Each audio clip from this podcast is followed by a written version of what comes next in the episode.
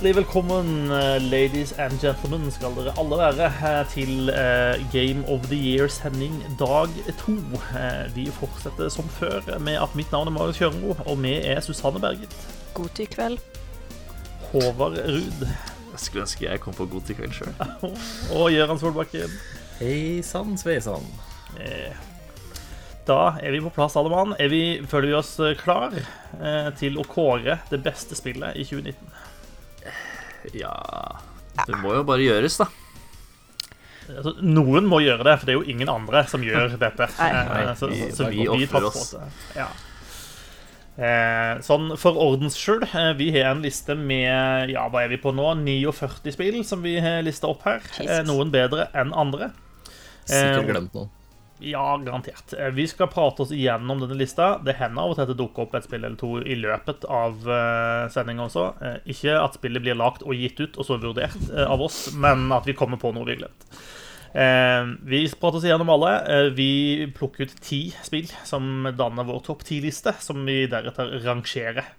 Eh, og så da til slutt kåre vinneren. Eh, vi er sjelden helt enige. Men vi har klart å dra dette i land nå i hva er dette femte året vi er på nå, eller noe sånt? Ja. Fire ganger tidligere har vi gjort det.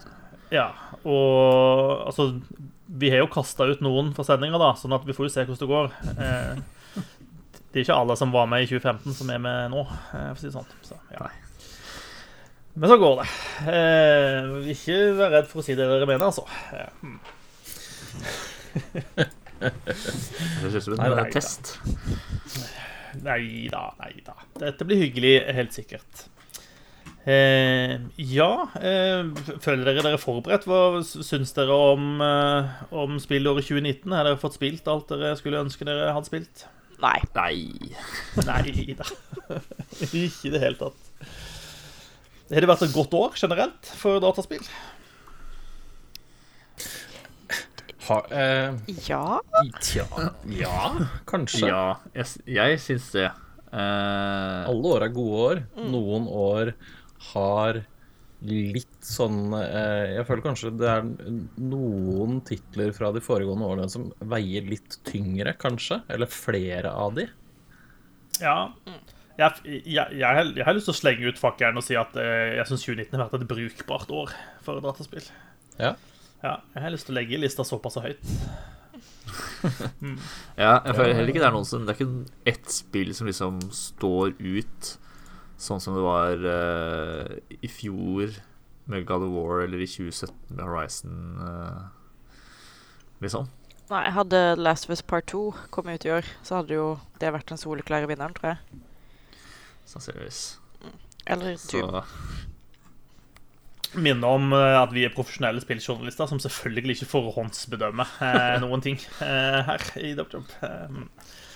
Hæ? Altså, jeg spiller ingen spill. Jeg bare Bare leser og gjør meg opp en mening basert på alle andres mening, egentlig. Jeg Det er ser, de Det er egentlig- stikk i strid. jeg ser uh, annonseringstraileren, og så gir et terningkast ut ifra det.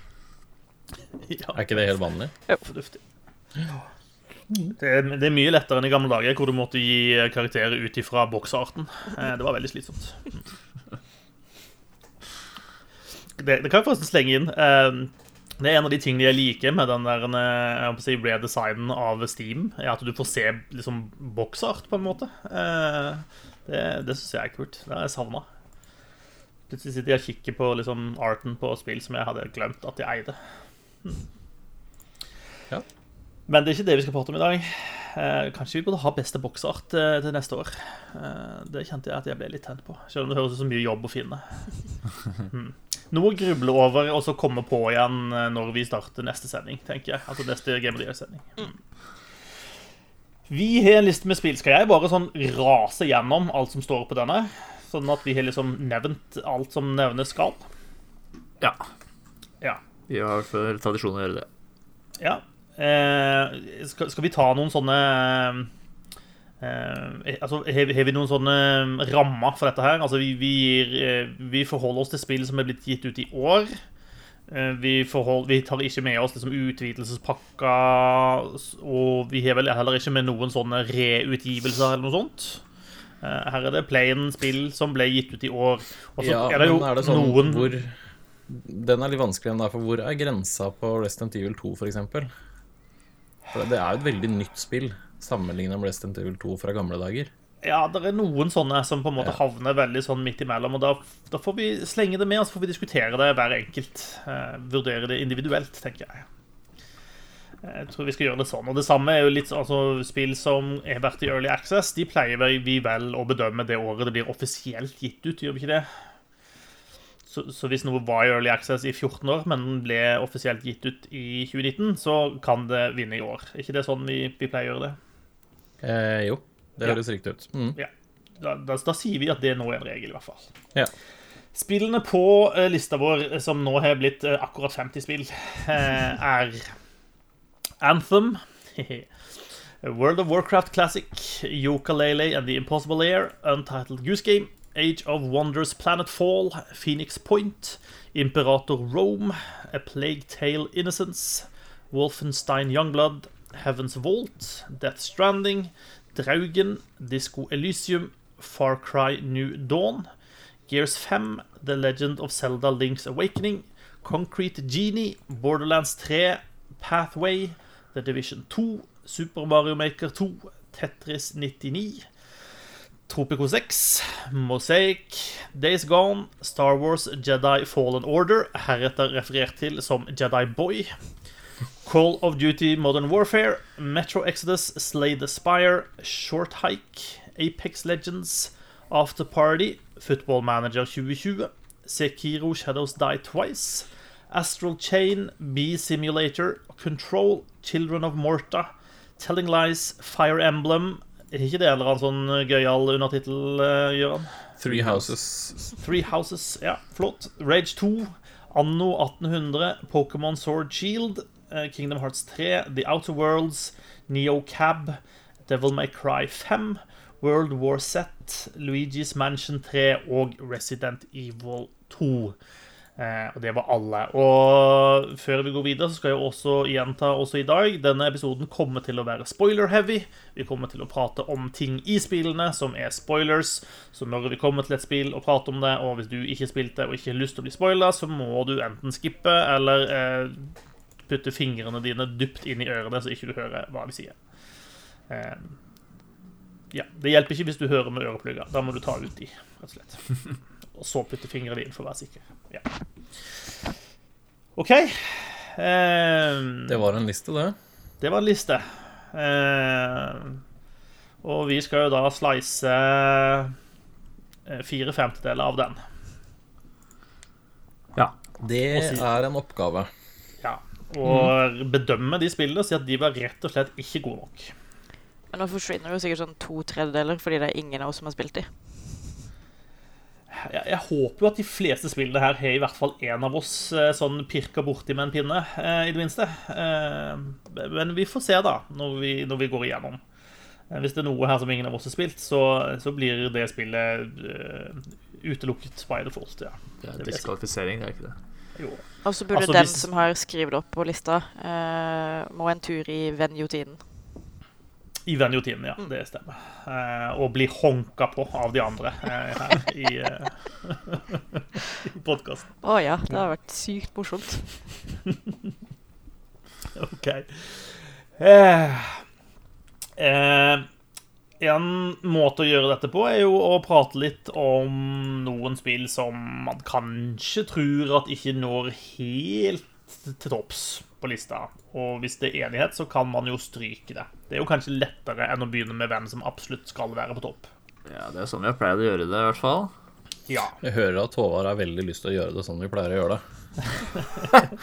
Håvard er alltid så konservativ. Eh, Men det er greit. Jeg, Eh, vi har ikke diskutert noen annen måte å gjøre det på på forhånd. Nei, det er Eh, helt riktig. Så da blir jeg litt sånn uh, overraska hvis vi skal gjøre det på en annen måte. Jeg tenker vi bare kan kjøre stein, saks, papir om, om hvert Ja. spill. Så hvis alle bare kan rope ut hva de har for noe. Det var smart. ja, kjempe. Full av gode ideer. Og alle vet at stein, saks, papir er best når man er fire som spiller det. Da blir vi sittende her en stund. Da blir vi sittende en stund. Ja, vi kan begynne. Um, tilfeldigvis så står Anthem øverst på lista. Eh, det er ikke gjort med viten og vilje hensikt. Jeg bare sorterte det eh, random. Ehm, så den kan egentlig bare bli stående der. Det står LOL med store Ja, det bokstaver. bak det for det er ikke jeg som har lagt til Anthem her. Altså, Men jeg, jeg har sagt veldig mye om Anthem og hva jeg syns om Anthem, men det er ikke det beste spillet i år. Det er, det er dessverre ikke det. Det kunne ha vært det. Altså, Hvis vi hadde kåra årets skuffelse, så hadde vel den vært en het potet, vil jeg påstå. Ja. Men eh, ja, jeg tror eh, da tar jeg, tar jeg en stryk for laget. Og Det er så, greit. Mm, stryker jeg. Det, det er nesten sånn at vi må lage en egen kategori. Sånn Gøran Solbakkens årets heartbreak eh, går til Anthem. Eh, Ja. Eh, jeg tror kanskje jeg har hatt noen sånne heartbreaks før òg. ja. Men du liker Anthem? Ja, jeg På, liker på tross Anthem. av all its flaws. Ja, jeg gjør det. Jeg liker, eh, jeg liker mye av Anthem. Jeg gjør det. Og så er jeg, jeg Jeg skjønner hvorfor det er dårlig, og det har, det har vært ting som er dårlig der, men kjernen i det spillet er veldig, veldig, veldig kult når det funker. Og så kommer det et veldig stort men etter den setningen, og det er det som er problemet. Ja. Men Kår ikke, vi kårer ikke beste kjerne, dessverre. Nei. Eh, den powertrippen og kontrollen og alt mulig sånn som er i, i, i kampsystemet og verdensdesign og sånn, syns jeg er helt Jeg synes det er helt nydelig, men de bruker det altfor dårlig. Så det er ja. Den, den må dessverre ha lista, men jeg elsker det spillet. Jeg har det fortsatt installert, og spiller det innimellom, bare sånn lite grann. For å få en sånn fiks. Ja, en liten fiks, bare. Det er sånn eh, Det er litt sånn eh, hvis du har vært sammen med noen som har som broken up med deg, og du bare can't let it go. Jeg tror det er litt den. Du, liksom, du piner deg sjøl litt. Ja, lite grann. Men det er greit. Det er godt å få det ut av verden, da, i det minste. Eh, Nei da, ikke, ikke for meg, men ut av lista, i hvert fall. Mm. Ut av lista. Det er greit. For alle andre så var det godt å få den av lista. Ja. Eh, Jeg kan, jeg kan slenge meg på med neste eh, og trekke frem det som for, for min del var også en av årets største skuffelser, faktisk. Eh, og det er Imperator Rome. Eh, det seneste strategispillet fra Paradox Interactive. Det skulle på en måte være en slags blanding av Crusader Kings og Europa Universalis. Og det da, da, da ble det på en måte ingen av delene. Eh, og det- det er litt sånn eh, Altså, cola kan være digg, eh, og melk kan være digg, men når du blander de to, eh, så er det ikke nødvendigvis digg. Eh, og det er litt sånn Imperator Rome føltes. Eh, ja. Ja. Eh, og så eh, all ære til Paradox, som eh, i ettertid har jobbet hardt og lenge for å liksom høre på hva folk syntes, og rette opp og gjøre patcher og endre ting og alt mulig sånt. Men jeg tror nok at det spillet trenger i hvert fall ett år til med intens kjærlighet før det begynner å bli interessant og gøy. Så Nei, det var rett og slett bare, bare sørgelig at det var så At det var så Det var bare så kjedelig. Altså, det ga så lite, eh, det spillet, at eh, Det var bare årets skuffelse for min del. Jeg hadde skikkelig gleda meg til det. Jeg digger jo de andre strategispillene, men uh, Imperator Rome falt rett gjennom. Dessverre. Trist. Jepp. Og er herved strøket. Noen andre som vil kaste noe inn i venue-tiden? Eh, hva er Heavens Vault igjen? Heavens Vault er også et, eh, et spill jeg er ganske sikker på at ikke når helt opp på topp 10-lista, men det er, det er det nye spillet til de um, oh, Er det Fail Better det heter? Nei, det er det ikke. Jeg roter de, jeg blander de sammen med et annet firma. Men det er i hvert fall de som lagde 80 Days, heter det spillet. Tidligere, som jeg har pratet Ja. om. Ja. Inkle? Ja, stemmer. Takk. Det var ikke Ja.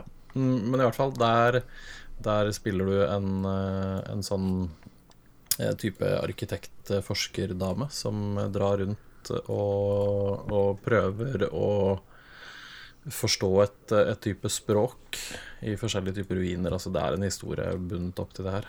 Um, det er en veldig kul sånn stil, for hun Altså hun fi- spillfiguren din, hun beveger, beveger seg i sånne bilder, bare. I stillbilder, mer eller mindre. Så blir hun veldig sånn fascinerende sånn Ja, og så legger hun igjen en sånn type ekko eh, der hun har vært. Altså det har litt sånn med tid og sted og historie og, og hvordan man eh, eh, Hvordan dine handlinger påvirkes, påvirker liksom fremtiden og sånn, da.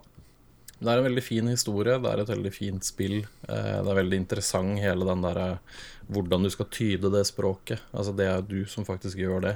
Eh, og hvordan de ikke guider deg til å gjøre det, men gir deg noen små hint, sånn at du forstår kanskje litt mer mening. Det er veldig det er, det er fascinerende. Det er helt fantastisk bra musikk i det spillet. Eh, det er veldig, veldig velskrevet. Jeg Det er det er høyere opp på lista mi enn det det kanskje kommer på den lista her, da, men eh, jeg tror ikke det er topp ti for, uh, for podkasten. Det tror jeg ikke, men det er et kjempebra spill. Eh, jeg syns det er rart at ikke du, Marius, har spilt det, i hvert fall, for jeg tror det hadde vært et spill for deg. Det har jeg sagt også tidligere.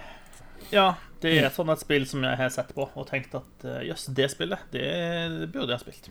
Ja, det er veldig, jeg anbefaler det på det sterkeste. Det er helt veldig annerledes og veldig fascinerende spill. Og lydsporet er vel et av de lydspor, spill-lydsporene jeg har spilt mest i 2019. Så det er, eh, det er veldig, veldig fin musikk i det.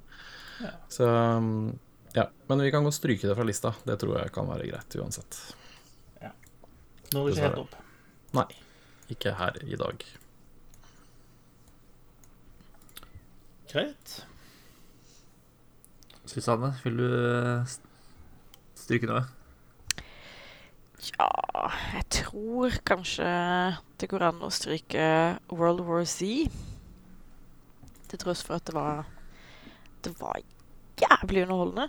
Eh, det er jo basert på eh, filmen og, og boka med samme navn, eh, men har nok mer til felles med, med boka enn med filmen. Eh, du spiller som Du spiller forskjellige episoder da, som finner sted i, under forskjellige epoker i denne zombie-invasjonen. Eh, og det er jo som i, som i Left 4 Dead, Left for Dead så kan du spille fire stykker samtidig.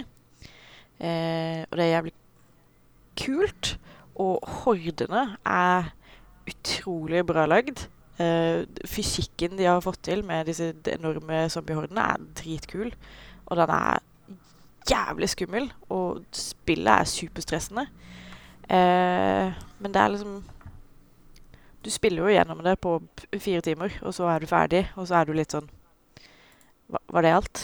Eh, du kan jo så klart eh, spille det om igjen og låse opp høy, høyere vanskelighetsgrader og låse opp flere våpen og achievements og sånne ting, men eh, jeg har i hvert fall ikke gått tilbake til det, da.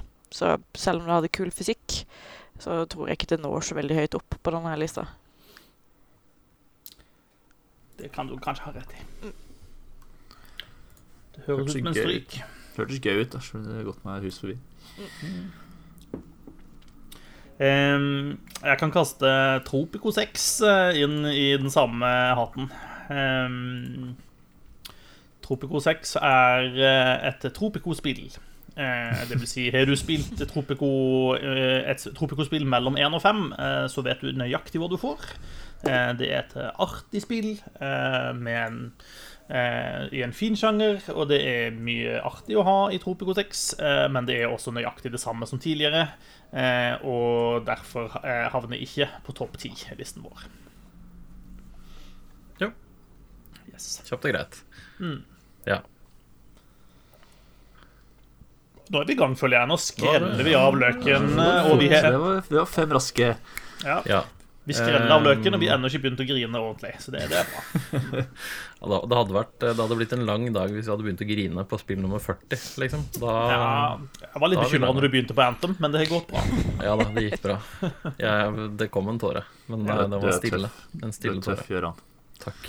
Um, ja, jeg tror vi kan stryke Pathway. Pathway var kult. Uh, turbasert, eh, litt sånn Indiana Jones-inspirert historie, men det, det er ikke Ja.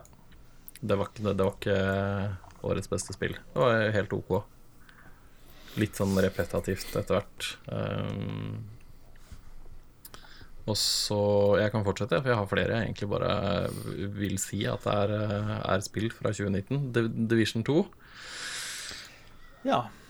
Det er bedre enn det Division 1 var. Skal ikke så mye til, da. Strengt. Nei, eh, den praten har vi hatt mange ganger, eh, Håvard. Eh, Jeg vet at du holder en grudge til 5-0, men eh, han er Det ikke var, det var ingen 5-0 i Division 2, sant? Nei, jeg tror ikke det. Eh, de har gjort mye bra i Division 2, men det er allikevel et nytt Division 2, og det er ikke Det var ikke Det var ikke Jeg veit ikke. Ikke bra nok, ikke nytt nok, på en måte, eller noe sånt, til at det var, det var et helt ålreit spill, og det var akkurat det man forventa at det skulle være. Um, ja. Så det. Hvis du liker, liker Division, så liker du sikkert toeren også, men eh, Vel en av flere grunner til at Ubisoft har hatt et ganske røft år sånn økonomisk. eh. Ja. Jeg tror ikke det Det sto nok ikke til forventningene deres. Men det, er, det var et helt OK spill. Ikke, ikke outstanding på noen som helst måter. Jeg tenker eh, Nå er det et spill her som jeg, ser, som jeg har spilt som ikke står på lista, og det heter Fifa 20. Eh, og det kan jeg bare sette rett på strykelista, egentlig. Det er jo Fifa er eh, gøy, det, men EA er har laga så bra fotballspill eller så bra fysikkmotor eh, og så mange gode animasjoner nå at det er eh, svært begrensa hvor eh, forskjellig Eller hvor mye bedre et Fifa-spill kan bli fra år til år. Eh, det er, alltid solid, så det står ikke på det. Jeg syns du husker du var ganske kritisk med en gang det spillet kom ut. eh, hva er det? Ja, det syns jeg å huske. Ja, da var det en tabbe. Eh, men jeg, jeg nevner det fordi jeg ser Football Manager 2020 står her. Og det vet jeg jo at ikke har blitt kjempegodt tatt imot av uh, vår faste Football Manager-korrespondent. Eh, Jeg kan jo resirkulere mye av den praten du nettopp hadde, eh, for så vidt, eh, når det gjelder Football Manager 2020.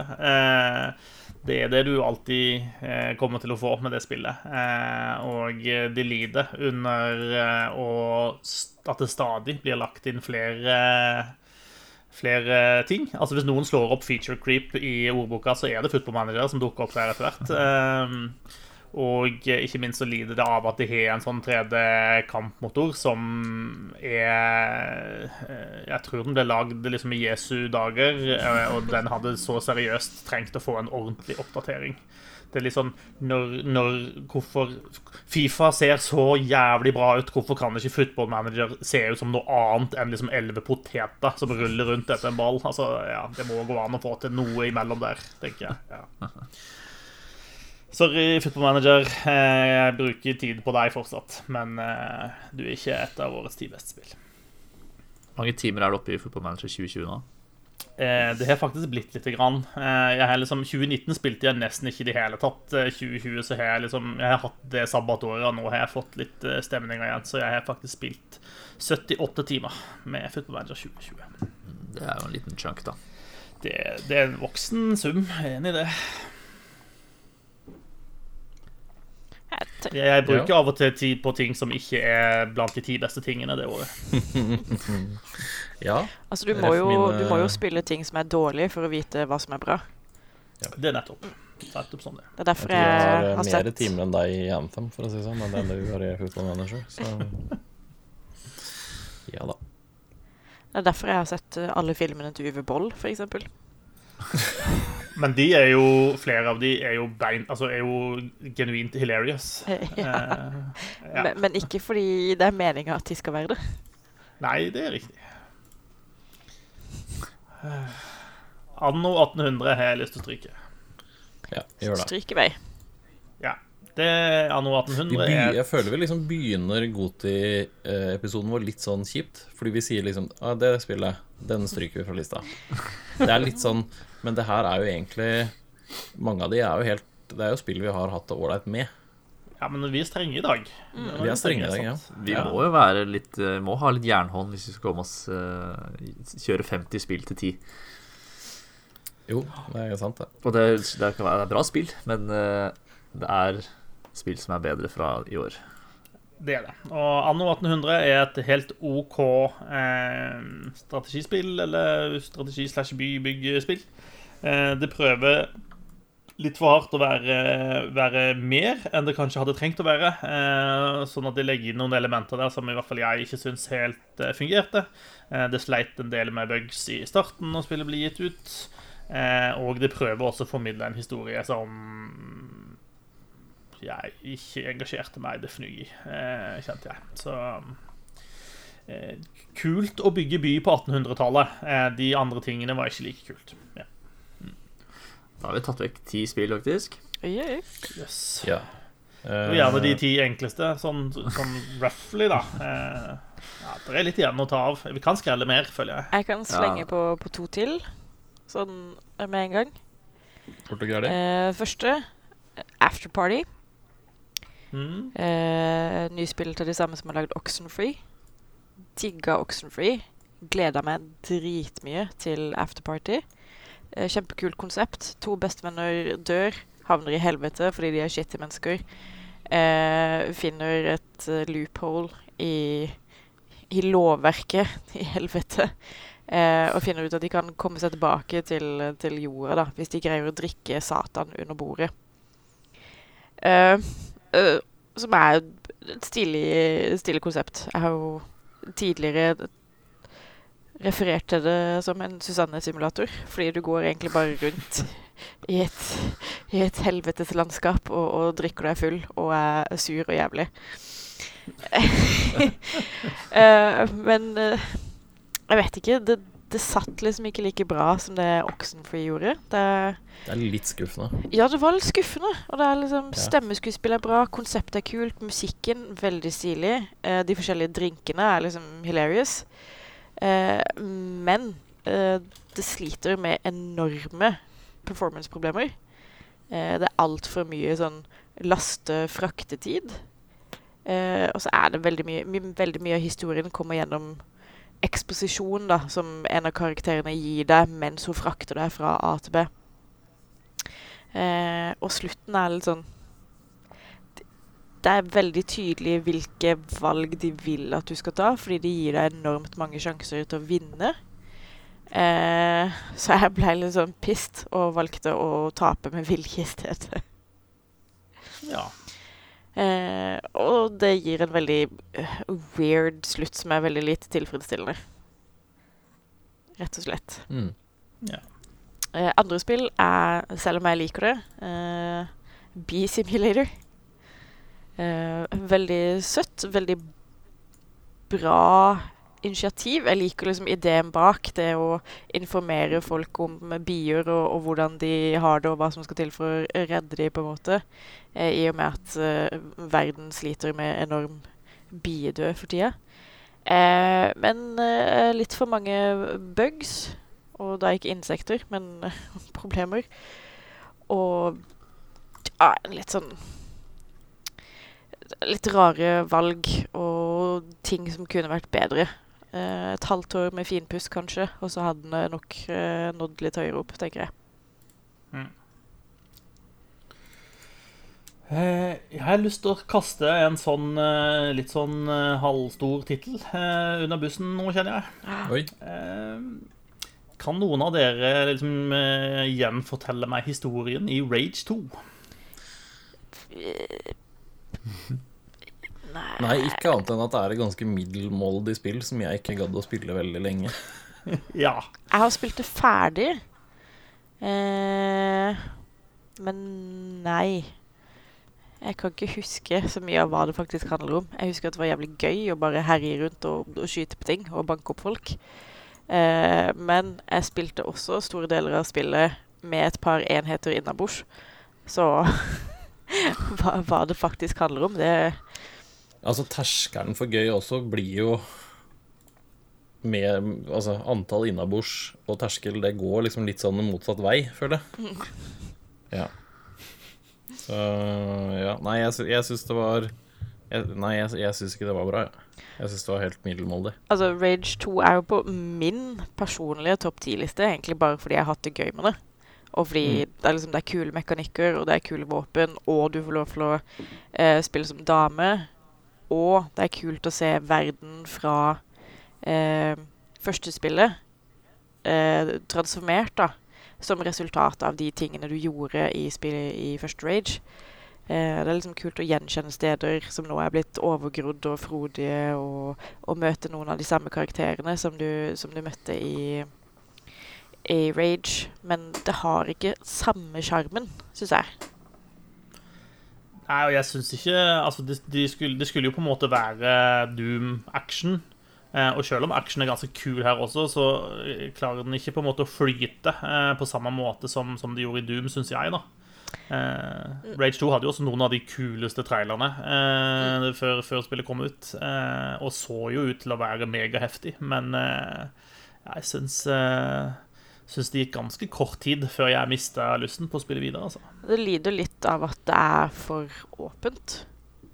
Hadde ja. du tatt action som er i spillet, og plassert den i mindre områder og trangere rom, med liksom mindre muligheter til å løpe vekk og manøvrere, så tror jeg det hadde vært mye bedre. Mm. Ja, det er egentlig et godt poeng. Faktisk. Men det høres ut som at Rage 2 ikke kommer i vår topp 10-liste. Nei Altså, med, når, jeg ikke har, her, altså. når jeg ikke har ølbrillene på, så ser jeg jo at uh, det kanskje ikke er en, en topp ti. du er ikke den første som har sagt det. ja, um, jeg, jeg, kan også dunke på et par eh, til. Eh, Devil May er et uh, morsomt Devil May Cry-spill, men det var ikke like bra som det forrige. Jeg veit ikke. Jeg, jeg, føler kanskje de prøver litt hardt, eller noe. Det ble litt for sånn uh, Jeg veit ikke. Kanskje jeg begynner å bli gammel. Det kan godt hende det er det òg. Men, men, er det ikke en del andre serier som etter hvert har på en måte out Devil May Cry The Devil May Cry? Jo, det kan også hende. Uh, men jeg, det, det, bare traff meg ikke like bra. Jeg syns det forrige Devil May Cry-spillet var, det, var, det var, kulere. Det var bedre. Uh, så nei, jeg veit ikke. Det er bare, Jeg falt ikke noe for det. Det, var, det er helt eh, ålreit uh, spill, og det er sikkert mange som liker det bedre enn meg. Men det traff meg ikke så, så bra. Selv om det er, det er vellagd, og det er kul combat, uten tvil, og veldig bra den er veldig tight og veldig bra og veldig variert. Du spiller litt forskjellige folk og sånn, så det, det, er gøy, det. Men det Altså, du har jo et sverd du kan gjøre om til en motorsykkel, og en motorsykkel du kan gjøre om til et sverd. Jeg mener, hva mer trenger du? Ja da. Altså, det, er, det, er, liksom ikke det, men det er litt sånn Nei. Nå syns jeg du er kravstor. Ja, jeg er nok med jeg begynner å bli gammel. Jeg har, jeg har lov til å være litt sånn sær og si at nei, men jeg bare liker det ikke så godt. Alt var bedre før. Alt var bedre før i gamle dager. Um, så det Ja. Og så tenker jeg jeg kan også ta en sånn uh, litt større tittel. Uh, Call of Duty, Modern Warfare. Ja, det kommer i 2007, så det skulle bare mangle. Hvis det er noen som er uenig, så må du bare si det. Men jeg, det er ikke topp ti-spill for meg i år. Uh, selv om det er bra. Det er det beste Call of Duty på ganske lenge også. Det er ikke noe Men det er bare Jeg syns Og det kan godt hende det er annerledes nå, fordi jeg sikkert fiksa og patcha gjort med, men jeg likte ikke den balansen de hadde funnet i multiplayeren sin. Syns jeg var, den var litt off, og det blei mye, mye, camping og mye sånt. Og det, det jeg syns det funker dårlig i et Modern Warfare-spill. Liksom. Der er det Det skal gå fort, og du skal eller, Det er litt sånn gung-ho, eh, løpe inn og skyte og dø, og så respawner du igjen etter to sekunder, og så gjør du det samme igjen.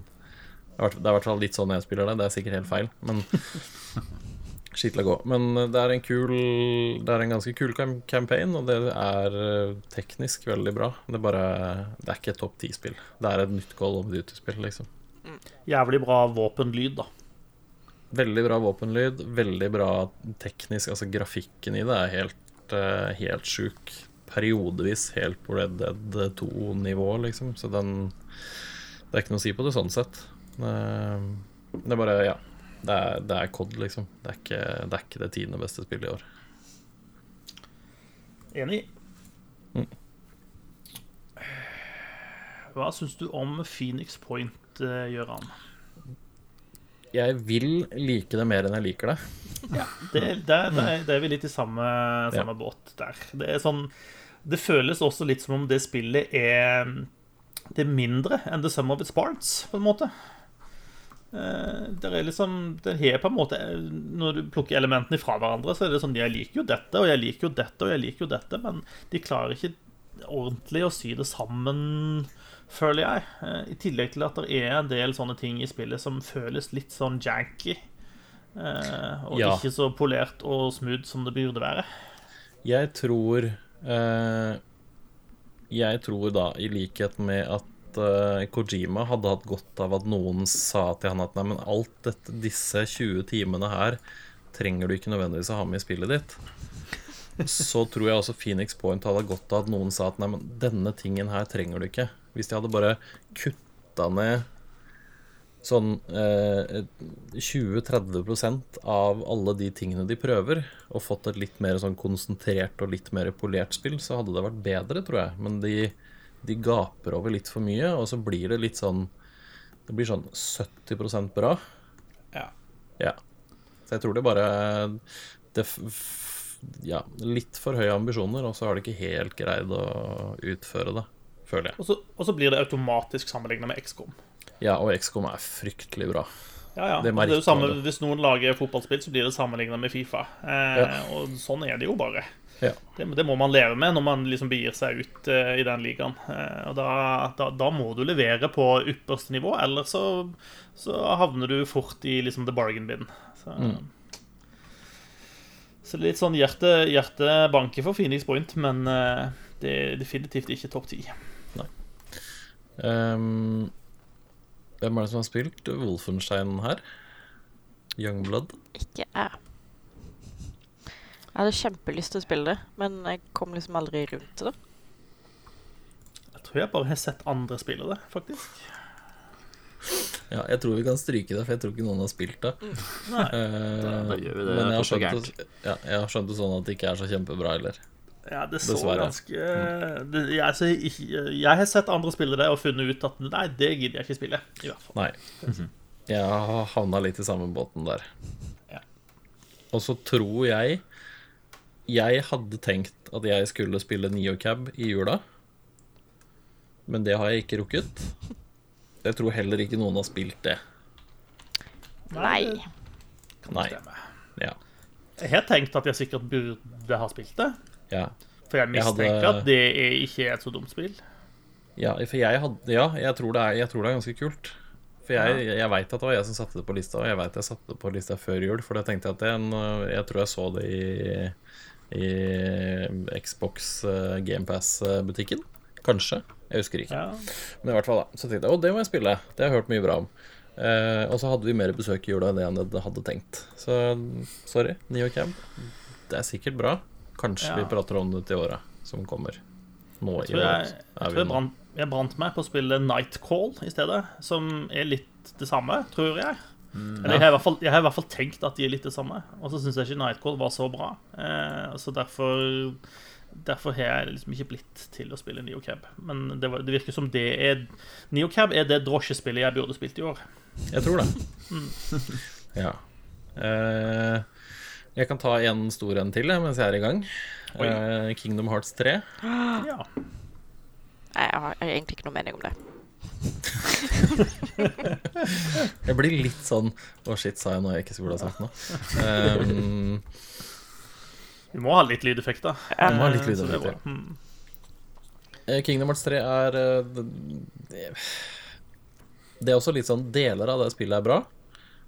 Og det er veldig altså, Disney er kult, da. Det er kult med Disney, og det er gøy å løpe rundt i disse Disney-verdenene med musikken og med figurene, og liksom ta en del av Være en del av de filmene man har sett. Eh, det var gøy å løpe rundt i i Frost-verdenen mens dattera mi satt og så på og sang, sang sanger. Og det, det var kjempegøy, det. Men det er ikke et veldig bra spill. Arendal, ja. Det heter Arendal. Er Erdal. Nei, det er, eh, det, er, det er mye fint der, men det er Altså det, det er jo ingen som skjønner historien. Det er ingen Jeg tror ingen med hånda på hjertet kan si at vet du hva, denne historien, den skjønner jeg. Dette har jeg forstått alle elementene i. Jeg kjenner vel eh, kjenner noen som hadde kjølhalt deg for å kaste Kingdom Hearts så tidlig. Men, Ja, eh, men det er, ikke, det er ikke et så bra spill. Det er, my, det er mye bra, det er veldig mye sjarmerende, det er vellagd. Det er kjempefin musikk i spillet. Og det er eh, eh, Kampsystemet er litt sånn eh, i, Nei, det er ikke bra nok. Det er helt OK, men det er ikke, det er ikke dritkult. Så nei, ikke Det er ja, sjarmerende og morsomt, men ikke topp ti. Kanskje vi skulle kåra årets mest eh, OK spill. Ja, The, the best of the rest. Ja. Ja. Nå, Det er litt, nå nå det, det er litt, det er litt som når jeg, eh, når jeg spilte fotball eh, i mine barndomsår. Eh, eh, Så kan du reise rundt på mange fotballturneringer. Eh, Og det gjorde vi jo for så vidt. eh, Og vi, vi, vi var ikke sånn superflinke. Eh, Men det var én cup vi var på hvor vi vant. Den heter Reggae Cup og var i Haugesund. Eh, Og den ble profilert som turneringen for de nest beste lagene. Det syns jeg er herlig ærlig. Ja. Eh, det, men vi, vi dro i land seieren der, så Ja. Grattis. Godt Ja. jobba. takk. Ja, er det da er det min tur til å hive et uh, storspill under bussen? Du kan prøve. Jeg kan prøve. Jeg tenker jeg går for uh, Metro Exodus. Ja. Som jeg har uh, faktisk Faktisk har fullført. Det er en av veldig få spill. Men um, det har Det har mye kult for seg. Uh, veldig bra musikk, veldig bra karakterer, veldig bra stemning. Eneste problemet er at det, det kollapser litt under sin egen vekt det er på en måte litt for stort, og, og mekanikkene de har lagt til for at det gir mening at spillet skal være stort, funker ikke helt hvis du spiller på en eh, den vanlige vanskelighetsgraden. Men hopper du opp et hakk, så blir det altfor vanskelig igjen, og du bare Du kommer deg ikke videre. I tillegg så har, eh, så har de litt sånn problemer med hvordan de skal gå fra A til B når de må bevege historien videre. Altså transisjonere liksom hele fortellinga. Og da velger de å gjøre én av to eller tre ting. Det er eksplosjon. Uh, Artyom blir slått ut, eller Artyom sovner. Og så våkner han opp på, plutselig på et helt nytt sted. Og er litt sånn Ja, nå er vi på ny plass. La meg starte del to av spillet. Hater det når det skjer med meg. Ja.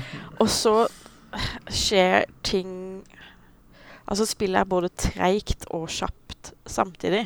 Altså, du bruker Mm. jævlig mye tid på å utforske og dasse rundt og finne filtre og tjo og hei og tralala.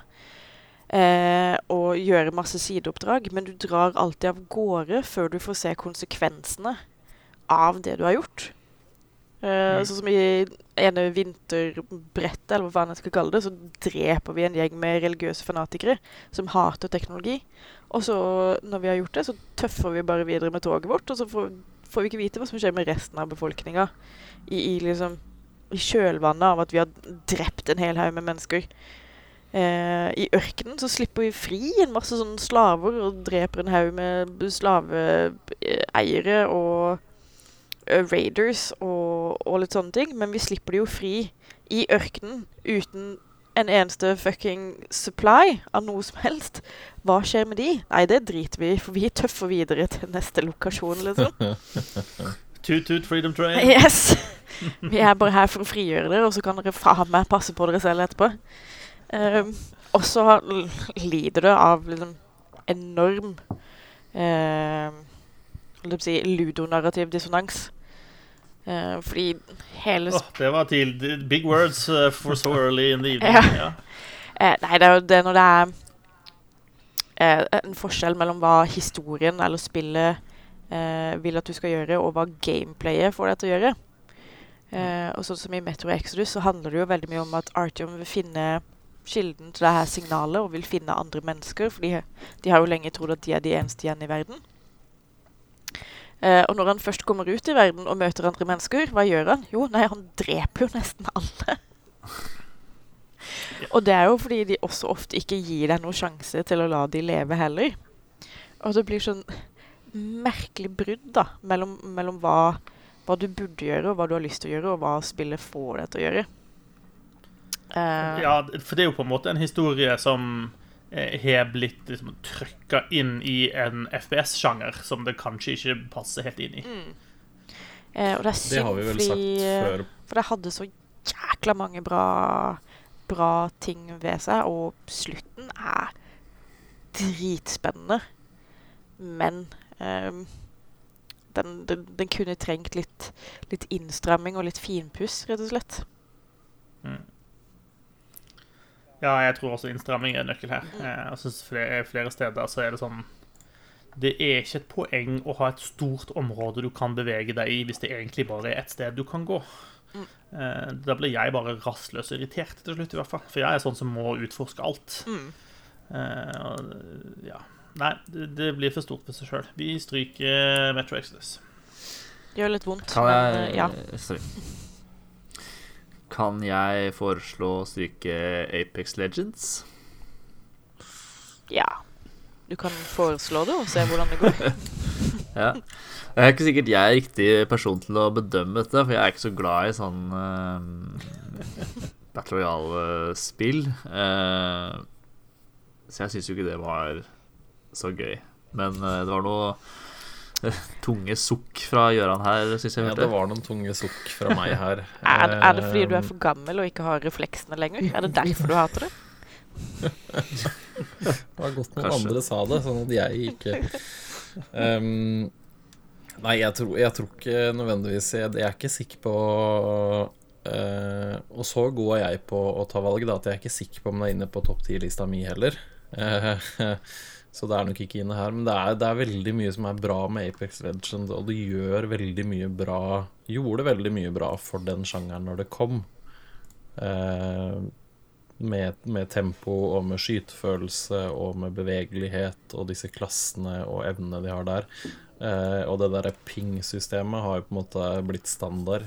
Um, så det er veldig mye bra med Apex Legends, så det er litt sånn synd å skulle ta det bort. Men jeg, jeg også er ikke noe sånn Jeg er ikke die hard eh, av den sjangeren, jeg heller. Så jeg har det liksom ikke så gøy med det som jeg har med veldig mange andre spill. Men det er veldig mye bra i Apex Legends, så det er litt synd å, å skulle stryke det sånn. Fordi jeg, jeg føler kanskje det er bedre enn mange av de andre spillene vi har strøket til nå, i hvert fall. Men ja. Ja. Det har litt med, Eh, litt med hva man liker og ikke liker og alt mulig sånn. Men det er, det er veldig, de gjør veldig mye riktig i det spillet. Ja, de skal ha creds for det ping-systemet. Det, er- det er faktisk veldig, veldig bra. Ja. Uh, så er det viktig å poengtere at den eh, strykelista vår da ikke nødvendigvis er kronologisk rekkefølge. Eller, uh, ja. Nei da, det er det ikke. Det Det er er ikke noe, sånn. det er ikke noe sånn. Det er sånn det er bare, tilfelle. Jeg, føler, jeg føler Apex Legends fortjener Det fortjener veldig mye skryt, da, for det gjør veldig mye bra i den sjangeren der, og det er et veldig, veldig bra spill. Eh, så ja, det er, det er kult. Det er det. Men eh, ja. Hvis den var kronologisk over, så hadde den vært det etter når spillene kom ut. Just saying. Ja, sorry. Jeg vet ikke hva Ranger, rangert. var Rangert. Ja, Alfabetisk. Alfabetisk er den i hvert fall ikke. Vi, vi begynte System. på A, men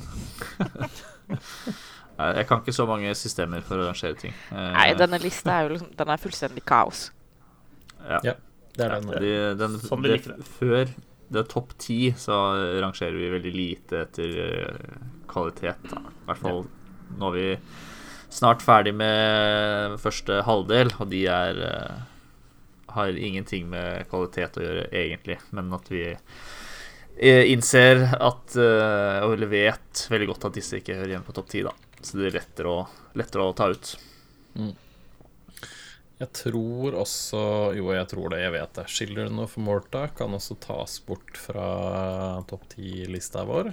Eh, jeg har ikke spilt det ferdig, men jeg har spilt det en god del. Og det er, de har veldig mye gode ideer der. Det er litt sånn rogelike type spill. Eh, der du spiller Altså, du en Du spiller en familie med en eller annen sånn type krigerfamilie. Det er noe historie der òg. som jeg ikke gidder å komme inn på nå.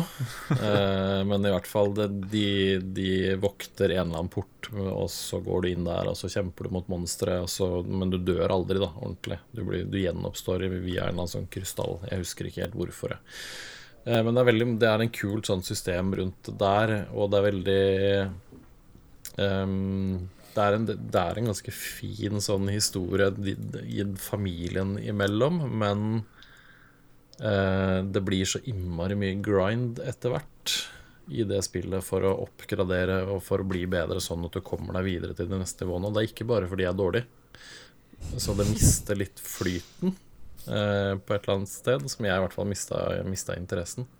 Så det er mye som er kult der, og det ser veldig flott ut. Det er en veldig fin sånn eh, old school eh, på det, men veldig, veldig pent.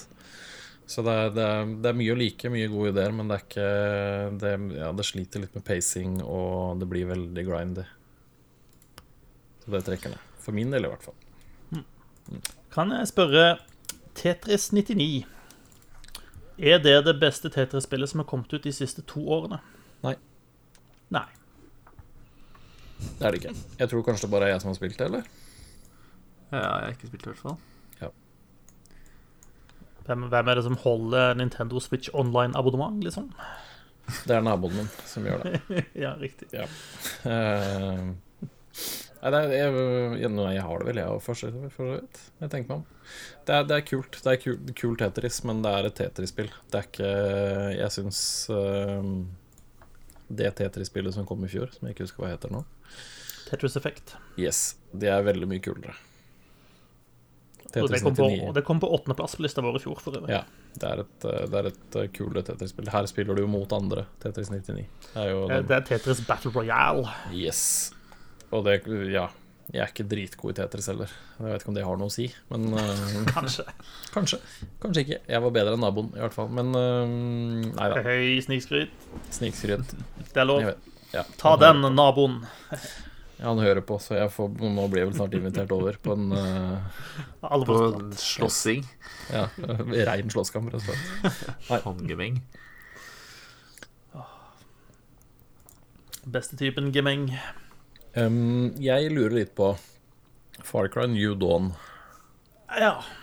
Er det, er det virkelig et bra spill? Eh, ja Ja. Det, jeg har lyst til å si ja til det. Ja. Jeg, ja, altså Mange av de jeg, spillene som er på lista, er bra. ja. Jeg, jeg, tviler på at det havner i vår topp ti-liste, eh, men jeg har lyst til å si at det er et bra spill. Ja. Eh, det er mange kule elementer inni der. Eh, og det er Det er på en måte noe med hvordan de har tatt den Far Cry-verdenen som de lagde til det forrige spillet. Eh, og transformert den til liksom noe av det mest fargerike postapokalypse-landskapet du har sett. Eh, ja, for det er og, dette med de tvillingene og sånn, er det ikke? Eller søstrene, eller hva det er. Ja, ja jo da, de skikkelig sånn badass eh, antagonist-damene. Eh, mm. Stemmer det. Eh, og der er noen kule En kul setting, på en måte, med at du mm, skal hjelpe å bygge opp og forsvare en by og litt sånne ting, som, som er ting som jeg liker. Eh, men men som med mange Far Cry-spill etter hvert, så er det liksom Så lener det seg veldig mye på ting du har sett og gjort før, da. Eh, så så det er kult, og det er underholdende, og jeg hadde det morsomt når jeg spilte det, og det er en del crazy våpen, og det kan være gøy å bare dure gjennom på ulike kjøretøy og sånt. Eh, men det, det er litt sånn eh, Det er en veldig god Burger King-burger, liksom. Eh, men det er liksom ikke topp ti-burger likevel. Så ja. Vi, mm. vi, kan, vi kan stryke den. Ja. Mm. Yes. Um, det var et eller annet jeg tenkte på her nå. Jo, A Short Hike tenkte jeg på. For det var et av de spillene jeg spilte i jula. Som jeg rakk å spille i jula. Mm. Det var, var, det short? Uh, det er, ja, det er short, uh, en short hike, bokstavelig talt. Ja. Det er det. Eh, det var Jonas som eh, nevnte noe om det i chatten vår. Så da tenkte jeg at ja, ja, hvorfor ikke? Jonas eh, Hennere har god smak, han. Så da får vi sjekke. Her eh, spiller du en, en, en, eh, en, eh, fuglejente som er på en, en eller annen sånn eh, sommercamp eller noe, tror jeg. Eh, det er en øy, og så um, og så skal du egentlig bare prøve, ta deg en haik. Du skal gå en tur opp til toppen, altså den høyeste toppen på denne øya. Um, og det gjør du altså for du, når du, du kan hoppe og sveve da du er en fugl. Uh, etter hvert så kan du, når du liksom utforsker Det er helt åpent. Du kan gå hvor som helst, og det er masse Det er skog, og det er strand, og det er ting å plukke opp og alt mulig sånn. Men du finner også noen sånne gullfjær som gjør at du kan ta et vingeslag, sånn at du liksom får litt mer høyde, og så kan du flyte lenger. Um, så er det et par andre sånne ting som du kan gjøre underveis. Men det som er litt morsomt i det, er at du møter masse andre folk som også er på denne øya, som du liksom kan prate med, og de forteller litt om seg selv og hva de driver med. Eh, noen gir deg noen sånne sideoppdrag, type, som du skal gjøre. Samle inn noe skjell, eller gjøre, finne et, eh, et skjerf, eller sånne ting.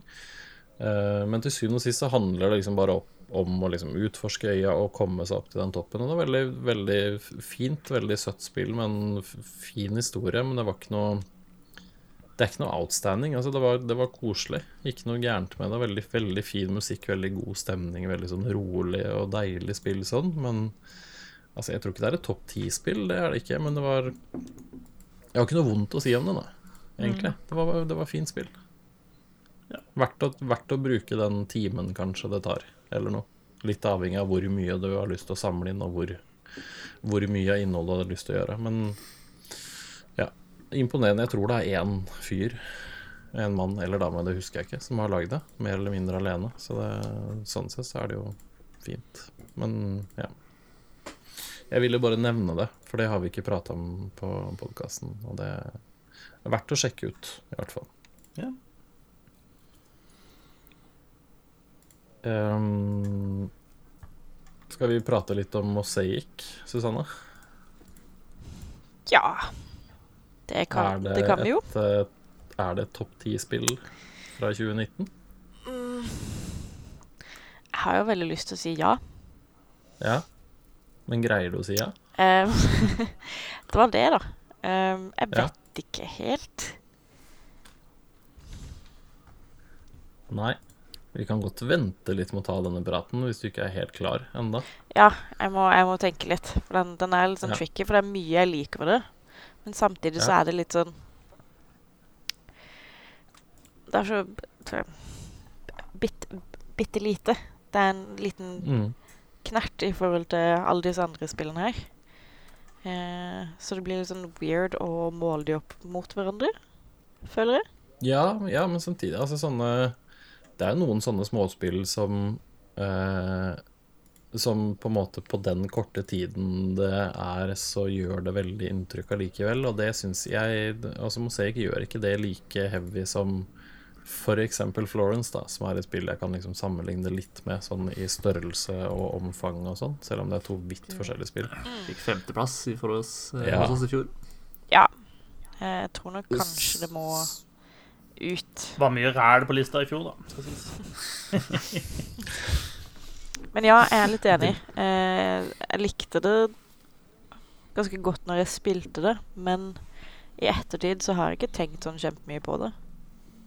Nei, det er litt den jeg, den, jeg sitter med også. Jeg spilte det og gjorde det ferdig, og det var mye kult. Og det er mye Altså, verdenen og, og det de liksom forteller i spillet, er bra, men samtidig så er det sånn eh, Det var en som spurte meg nå, eh, som tenkte kanskje han skulle prøve å sjekke ut litt mobilspill og lurte på hva jeg anbefalte og sånn. Og Mosaic er ikke et spill jeg anbefaler. Nei. Det er liksom ikke et spill jeg da at Det må du spille. Eh, og det betyr ikke at det er noe gærent med det. Det, det er liksom ikke Det er ikke et så minneverdig spill da, at det er blant de beste fra i fjor, syns jeg. Men det, er- det er min mening, da. Jeg syns det kan Da, vi får kåre, vi får kåre topp fem norske spill. Da Da kan det hende vi kan snakkes. Ja. For det er ikke så mange andre norske spill her. Det er et annet norsk spill her. Ja. Ja, Er det noen av oss som har spilt det? Jau. Syns du det er eh, mye bedre enn Mosaikk? Jeg tenker mer på Draugen enn jeg tenker på Mosaikk. Ja. Mm. Det gjør jeg. Tenker du nok på Draugen? Jeg tenker mer på Draugen enn jeg tenker på mange av de andre spillene vi står igjennom nå. For nå begynner vi, nå begynner vi å krype opp til det punktet der. Ja, nå er vi sikkert ca. halvveis. Ja, nå er er vi sikkert halvveis. Um, Draugen er et veldig fint spill. Det er veldig vellagd spill. Det er veldig sånn eh, Det vekker veldig sånn nasjonalfølelsen i deg med liksom interiøret og med musikken og landskapet og alt mulig sånn. Det er veldig godt stemmeskuespill. Eh, historien er ikke Den er ikke helt der jeg hadde håpa at den skulle være. Den er ikke så liksom Den treffer ikke så hardt. Den gjorde ikke det på meg, da. Nå skal ikke jeg si at den gjør det generelt. Den gjorde ikke det på meg. Den var, den var bra, men den var ikke outstanding. Um,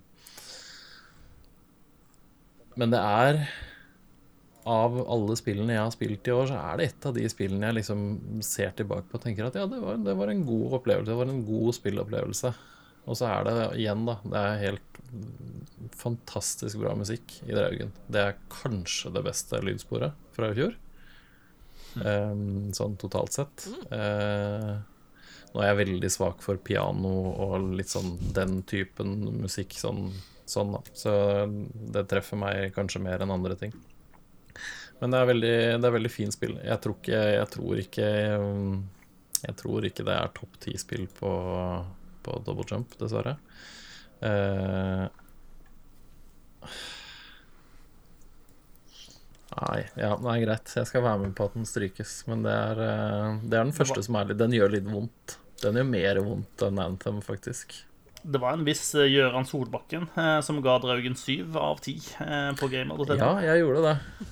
Og det, den står jeg for uh, fremdeles, men det betyr ikke at jeg ikke liksom ser tilbake på det med veldig gode minner. Det er noe det er litt annerledes, og det er litt uh, det, Ja. Det setter litt spor, men historien Det skulle vært litt bedre. Jeg vet ikke helt hvorfor. Det skulle ha vært litt bedre. Mm. Men det er veldig fint spill. Jeg anbefaler å spille det. Dere som er norske, for pokker må spille norske spill. Og det er vel eh, en ganske stor prosentandel av de som prater i dag og hører på, er. Ja, nei, det har eh, Det var et av de spillene jeg gleder meg veldig til å spille i år, men som jeg aldri bare fikk satt meg ned med. Så jeg gleder, meg, musikken, altså. Åh. jeg gleder meg til å prøve det. Hele 2020 på deg, nesten. Ja, men skal jeg bruke kvota mi i år på å sp- spille ferdighetsspill fra i fjor, eller skal jeg kommer ikke ut noe gøy i år før i april uansett. Nei, det er sant. Det tror jeg er usant, men uh, la oss ta den diskusjonen senere. Det tar vi senere. Kom på et spill, jeg, som jeg har glemt å skrive på. Oh, Nå kommer det et nye Nå må spill. du videre. Ha, har vi ikke noen sånn kutt, Late kuttefrist, holdt jeg på å si? Jo, vi har egentlig det. Skal vi ta det med en gang, da? Du må i hvert fall si hva du skrev inn, siden vi har gått igjennom Ja. hele lista Ja. før. Så, Jeg skrev opp uh, Sayonara Wild Hearts. ja. Kan jeg altså bare protokollføre at jeg skrev opp 'Baba is you'? Ja, det er også veldig fint at du skrev opp, for det, også, Ja. det har jeg også glemt. Ja. Ja, ehm, jeg tror kanskje, og det er litt sånn vanskelig, for jeg spiller, jeg, jeg spiller en god del mobilspill i løpet av et år. Um, jeg tror kanskje Sayonara Wild Hearts er det beste mobilspillet fra 2019. Det er bedre enn Mario Kart Tour, altså. Ja, Som for the record ikke er på lista vår, av en eller annen grunn. Eh, Jeg kan sette den rett på strykelista hvis du vil. Det går bra. Vi, vi klarer oss. Um, Skate City. De... Skate City, ja, det er ikke, det er ikke der, liksom. Syns jeg. Uh, nei, Sayonara Wild Arts er et veldig, veldig bra mobilspill. Det er veldig bra lagd. Det er veldig Det er veldig kult at den utvikleren altså Det er et svensk selskap som har lagd det spillet. De har lagd bare bra mobilspill. Eh, og de hopper fra den ene til den andre sjangeren og gjør bare Og dette er det beste spillet som er lagd i den sjangeren. Og så begynner de på noe nytt, og så gjør de det jammen igjen. Eh, her er det også veldig veldig kul musikk. Musikk, altså Det er et sånt litt sånn rytmespill, litt sånn løpespill. Eh, men det forteller også en veldig veldig fin historie. Eh, gjennom liksom brettene og, og litt sånn sekvenser underveis. Det er bare Ja, det er et kjempebra mobilspill, men jeg skjønner at folk ikke nødvendigvis liker det, for det er litt sånn Jeg vet ikke. Jeg vet ikke om jeg vil kalle det sært, men litt sånn annerledes. Eh, Finnes det på IOS. ja, det gjør det. Da er det Det ganske sært. Apple Arcade-spill. Ja, riktig. riktig. et, av, et av de spillene som kom med Apple Arcade når det kom. Det er, det er veldig, veldig bra. Jeg syns det er kjempebra. Men jeg tror ikke det, jeg tror ikke det er topp ti-spill på lista vår, så det kan godt uh, strykes. Det er ikke Ja, igjen, da. Det er ikke, det er ikke Florence-kvalitet. Sier du at vi skal si sayonara til Sayonara Wild Hearts? Dessverre. Nå har vi stryket eh, to av de beste lydsporene fra 2019 på veldig kort tid. Ja. Nå har jeg tatt et par her tøffe for laget her, altså bare sånn som det er sagt. Ja, jeg kan uh, by opp eh, Age of Wonders Planetfall på uh, strykelista vår. Eh, Å nei! det var et overraskende gøy spill. Eh, det ga, selv om det er et eh, science fiction-spill, så ga det meg ordentlig sånn gode flashbacks til eh, eh, gamle Heroes of Might and Magic-dager. Eh, Jeg syns at det tar den oppskriften og på en måte viderebringer det til en veldig fin, modern moderne innpakning. Eh, Godt forseggjort. eh, Et spill de har fortsatt å, å jobbe med å gi ut utvidelser og fikse og hacke på. Eh, lider litt av eh, det som alle spill i den sjangeren der gjør, og det er at det blir litt repetitivt. Eh, så, og det er litt vanskelig eh, Altså, å ha god progresjon i historien i et spill i den sjangeren, det mm, tror jeg gjelder omtrent alle spill som, som, som prøver seg inn, inn i den sjangeren der. Og det, det gjelder også for Age of Wonders Planet 4. Men hvis du har tålmodighet, og du er veldig glad i turbasert strategi, så er Age of Wonders Planet 4 ypperlig. Kult. Da kan jeg uh, ofre Pokémon Sword. Oi, oi, oi. Men hva med Pokémon Shield? Uh, akkurat Pokémon Shield kan jeg ikke uttale noe om, eh, faktisk. Uh, men eh, eh, folk i hvert fall i min Twitter-feed hater Pokémon Sword. Eh, jeg tror liksom Pokémon-fansen syns det er, det er litt for lite, litt for lett, litt for uh, ikke ambisiøst nok, da. Uh, jeg syns det er uh, ganske gøy. Det er, det er Pokémon, liksom. Kult at de har Så vidt jeg Altså, de har gjort det mer 3D enn noen gang, da, og det syns jeg er, er gøy. Det er kult at de prøver seg med den litt sånn åpne områder hvor det vandrer litt mye sterkere Pokémon rundt eh, og sånn. Syns jeg, er, eh, synes jeg er gøy. Det derre uh, hva er det for noe? Det ikke Mega Evolutions, men ja, i hvert fall det som gjør at Pokémon blir sånn kjempestore, er, eh, er litt tøft. Og, um, og de gym Sjølve gymkampene syns jeg også er Er det jævlig god God stemning i, da. Med masse publikum som reagerer på det som skjer og sånn, så de lager god stemning der. Em, men uh, det er Pokémon. Den er over 20 år gammel, den eh, serien nå, så man, man får det man uh, forventer. Eller i hvert fall jeg gjorde det, da. Tydeligvis at Pokémon-fansen fikk jo ikke det de forventa. Men uh, kanskje neste Pokémon-spill på Switch, så tør de Hvor de er litt tørre bak øra og tør å gjøre Ta i litt ekstra. Mm. Men eh, det når nok ikke opp på topp ti, i hvert fall. Vi har 23 spill igjen på lista vår. Um, Jesus. Vi har kutta så mange allerede. Ja, det, Ja, det, ja. det begynner å gjøre vondt nå, ser jeg. Um, Det blir tight nå. hvor bra er A Plague Tale Innocence? Jättebra, va? Yes. Det, det, er, ja, det er det. det er sykt bra. Det er, det er bra. Det er, vel, det er veldig, veldig bra, faktisk. Um, det har i løpet av nå, altså, jeg spilte gjennom det, og så var det liksom det her var kult. Det var bra. Det var litt annerledes, og det var litt sånn. Og så, ettersom jeg har liksom jobba meg gjennom denne topp ti-lista, som aldri blir satt 100% i stein, så har det bare krøpet lenger og lenger opp. Um, og det, det Jeg veit ikke.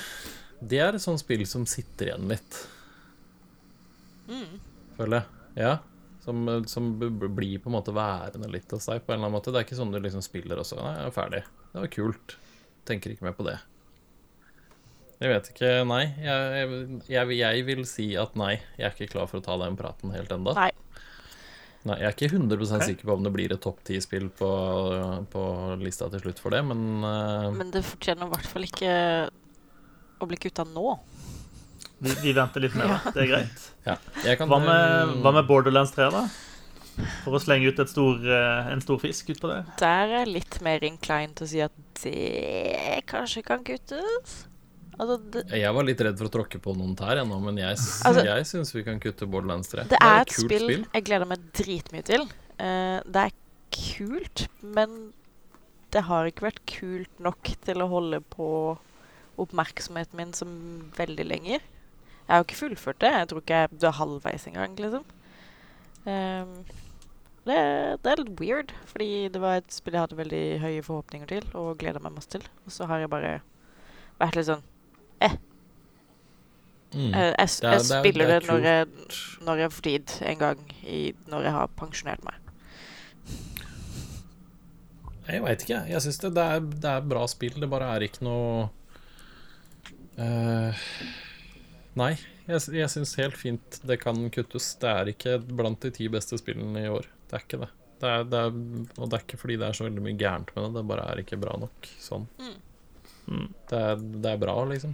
Det er Borderlands. Det er masse pistoler, og det er masse teit, og det er dårlig humor, og det er dårlig historie, og det er liksom Ja. Men det er sånn det skal være. Men det er ikke, noe, det er ikke outstanding på noen som helst måte. Nei, Da ryker Borderlands 3.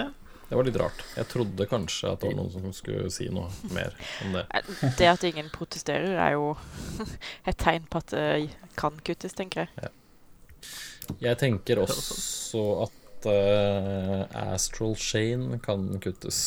Uh, Jeg var redd for at du skulle slå meg med noe hardt eh, hvis jeg foreslo det. Jeg Nei. det, Så, så det er Nei. godt at det er du som foreslår det. altså, jeg ehm, Det var en viss anmelder på Gamer som sa at dette er det beste spilt i Platinum Games, og han kan gå og ta seg en bolle, for det er det ikke. Det er et bra Platinum Games-spill, og de gjør veldig Altså, de de greier å balansere teit med et eller annet annet bedre enn mange andre. Uh, og det er, det er kul musikk, og combaten er som alltid i Platinum-spill veldig, veldig bra. Veldig solid, veldig tight. Og det er kult, men det er, ikke et, det er heller ikke et topp ti-spill. Jeg tror ikke Nei, det er ikke det. Det er, det er kult, det er bra, og det er annerledes. Og det var uh, ut ifra liksom, trailer og hva man har sett på forhånd, så var det liksom Det var bedre enn jeg hadde trodd, men det er fortsatt ikke Ja. Spill andre Platinum-spill og, og før det, tenker jeg.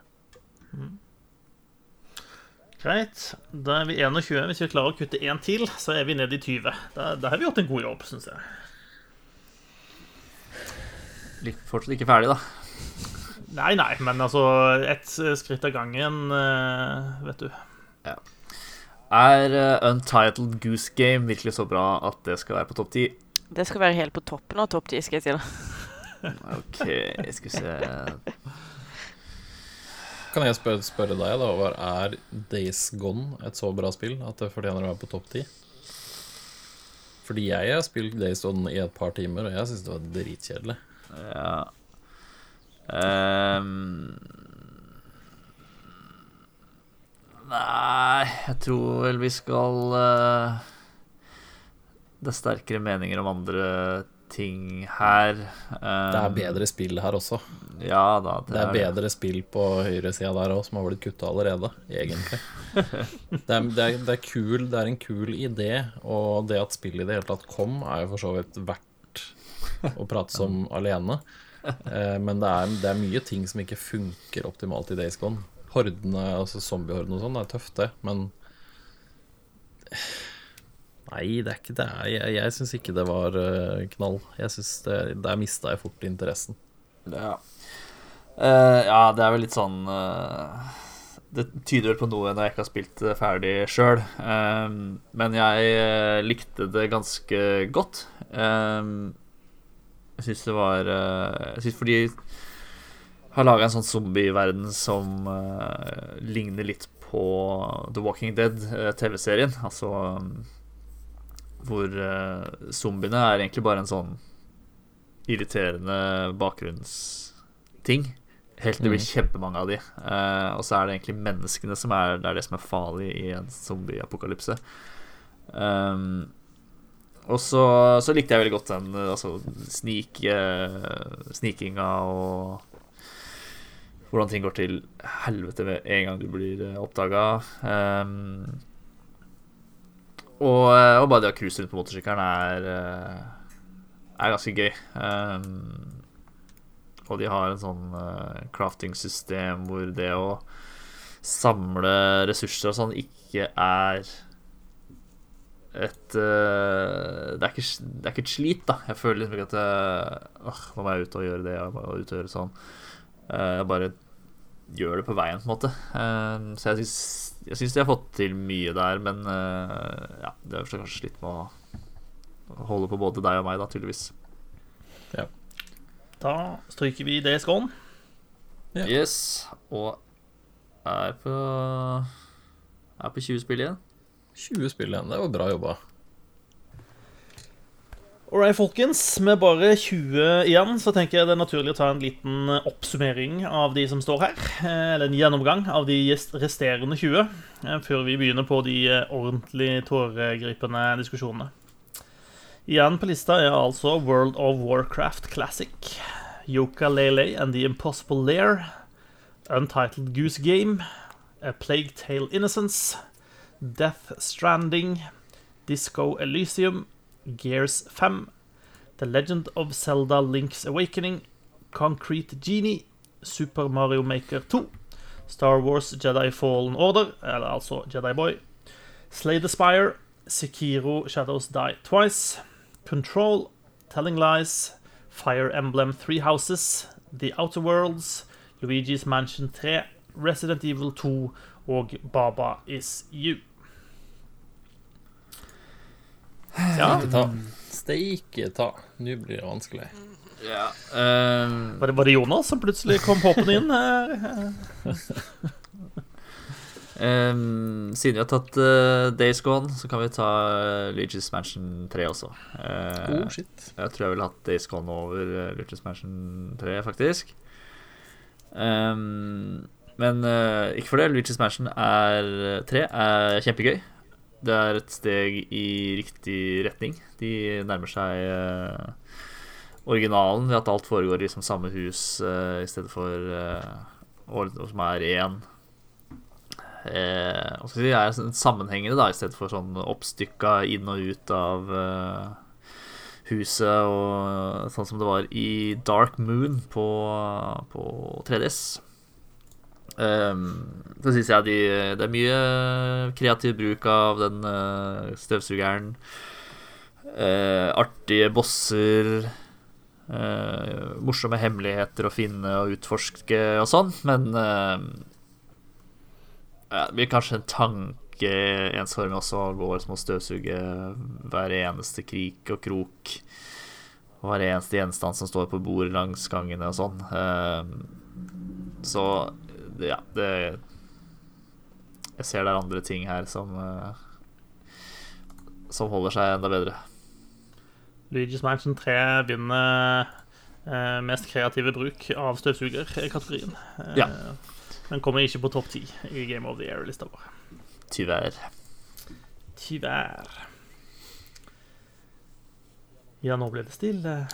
Ja. Um, jeg, jeg, tror kanskje jeg tror kanskje jeg skal ta en som er litt lei, eh, men som jeg tror blir litt sånn fordi jeg tror ikke noen her har gjort det ferdig, så jeg vet ikke om vi kan ta det med på topp ti-lista, og det er Death eh, Stranding. Uh. Ja, jeg tror Men det å ikke ha det med blir også veldig weird. det er litt rart å ikke ha det med, fordi det er, det er mye som er veldig kult der. Men eh, så langt som jeg har kommet i spillet, da, så begynner jeg Altså det er min opplevelse av det, i hvert fall, da, at jeg begynner å merke at her, her kunne vi kanskje ha flytta oss litt fortere fram. Her kunne vi kanskje kutta 20 minutter med dialog. Eh, det blir mye Det, det blir mye eh, Kojima. Mer enn det er i starten, til og med. Synes jeg. Eh, og så har jeg hørt, for det er umulig å ikke høre det, men jeg har fått høre at det er det er ikke noe dårligere da på slutten. Det, det har en veldig fin Altså, det skjer veldig mye kult. Så jeg tror, jeg tror fort det kan være et veldig kult spill, at det kan være et topp ti-spill. Men jeg, der jeg er nå, så er ikke jeg i stand til å si at det er det. Og da er jeg ikke helt sikker på om det er riktig å ta det med. Nei, jeg har liksom ikke spilt noe mer siden den release-helga hvor jeg klemte inn tolv timer eller noe sånt. Ehm, så det er jo litt sånn talende, sånn som Days Gone, kanskje. Ja, og det er litt sånn Og det er rett og slett fordi jeg føler kanskje at det her er et spill der jeg Jeg føler i hvert fall at burde, det burde jeg se hele spillet og hele slutten på før jeg sier om det er bra eller dårlig. Ja. Mm, ja, jeg tror også hvordan det slutter, kommer til å farge resten av spillet. Ja. Men eh, vi har kommet oss til Hartman, i hvert fall. Jeg vet ikke hvor langt ute det egentlig er. Vi har i hvert fall fått uh, ziplines, så nå går ting litt uh, fortere. Ja, ja, ja. Det er veldig gøy, Ja, men- jeg er litt, uh, litt videre enn det også. Men jeg skjønner ikke hvordan han overlever de zipline-turene. Nei, Det liksom ikke tenk på det. Nei, nei, OK. men ja, hvis du Det var, det var det som var det du reagerte på i det spillet? Ja. Det er ikke ekte. Uh, men det er derfor det ikke kommer på topp ti-lista. Uh, Sam burde vært død. Ja, Sam burde vært død. Det er, det, er- det, er, ja, det er mye som er kult, og det, er, det har noen øyeblikk som er veldig veldig kule, men jeg føler kanskje at man burde se hele spillet før man tar det med på en topp ti-liste. Det er Ja. det jeg, jeg sitter litt med den følelsen, og det er veldig dårlig gjort overfor Death Stranding at det ikke da nødvendigvis er med. Men ja, sånn er det litt Ja. med det spillet, føler jeg. Litt feil eh, grunnlag, men uh, ja, det er ting Det er eh, øyeblikk i Death Stranding som er uh, intenst som få. Uh, De har vi prata om. Vi har prata om det. Prata om det forrige i dag én. Uh, og det er mye, mye som er minneverdig i, uh, i Death Stranding. Absolutt. Åh, Det var, det var litt overraskende på meg. Ja, Eh, egentlig på meg også.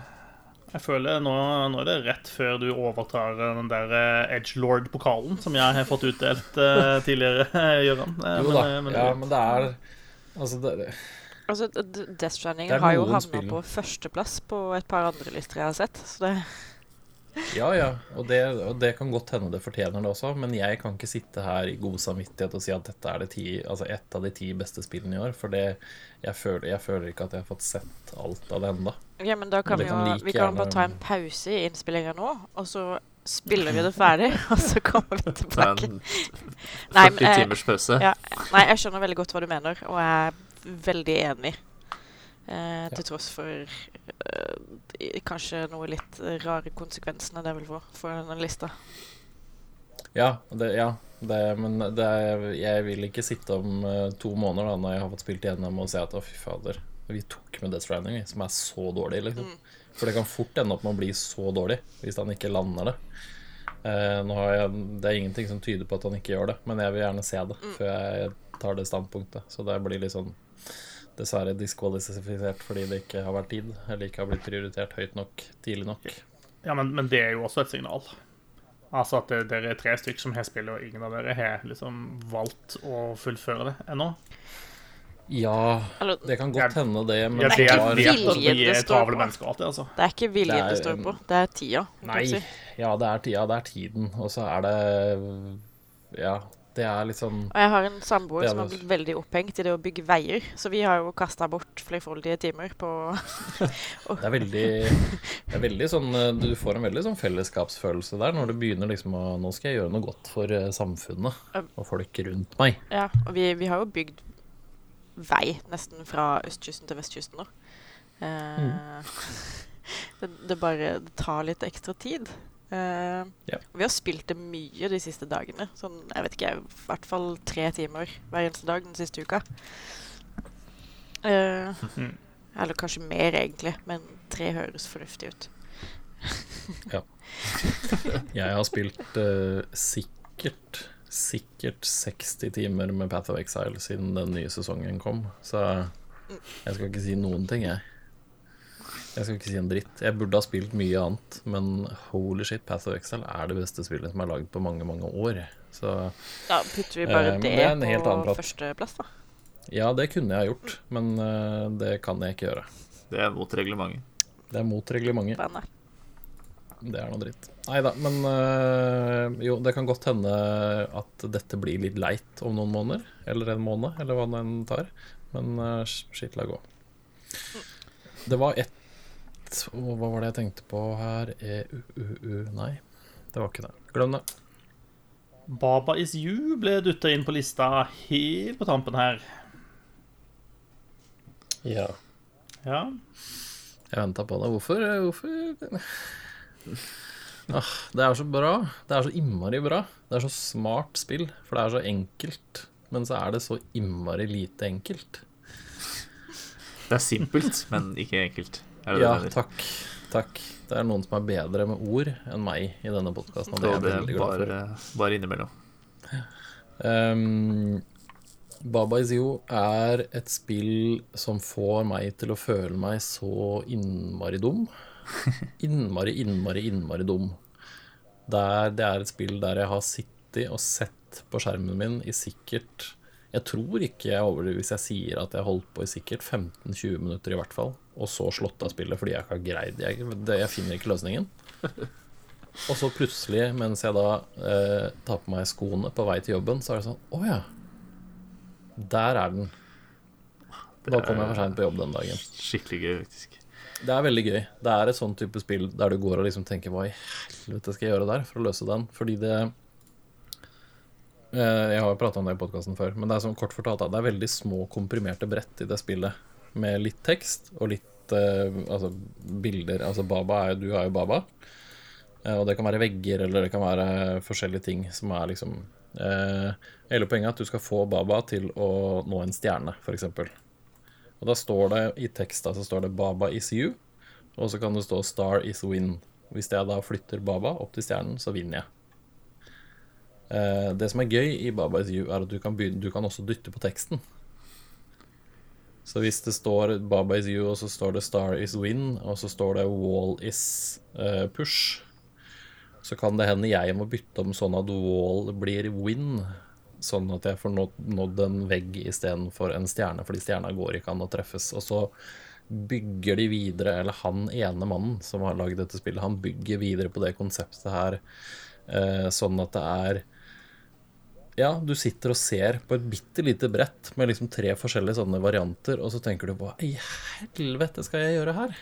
For her er det ingen løsning. Og så er det en løsning som er så innmari obvious og så innmari smart når du først kommer dit. Og det er så deilig. Men ja.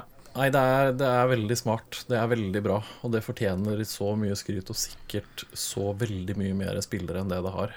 Fordi det er eh, Ja, det er litt sånn eh, Selvfølgelig ikke med produksjonsverdien og sånn som The Witness, men det, er, det, det gir meg litt samme sånn følelsen som det. Uh, det, er, det er bare veldig, veldig, veldig kult. Men ja, jeg, jeg har ikke spilt det nok enda, jeg er ikke ferdig med det.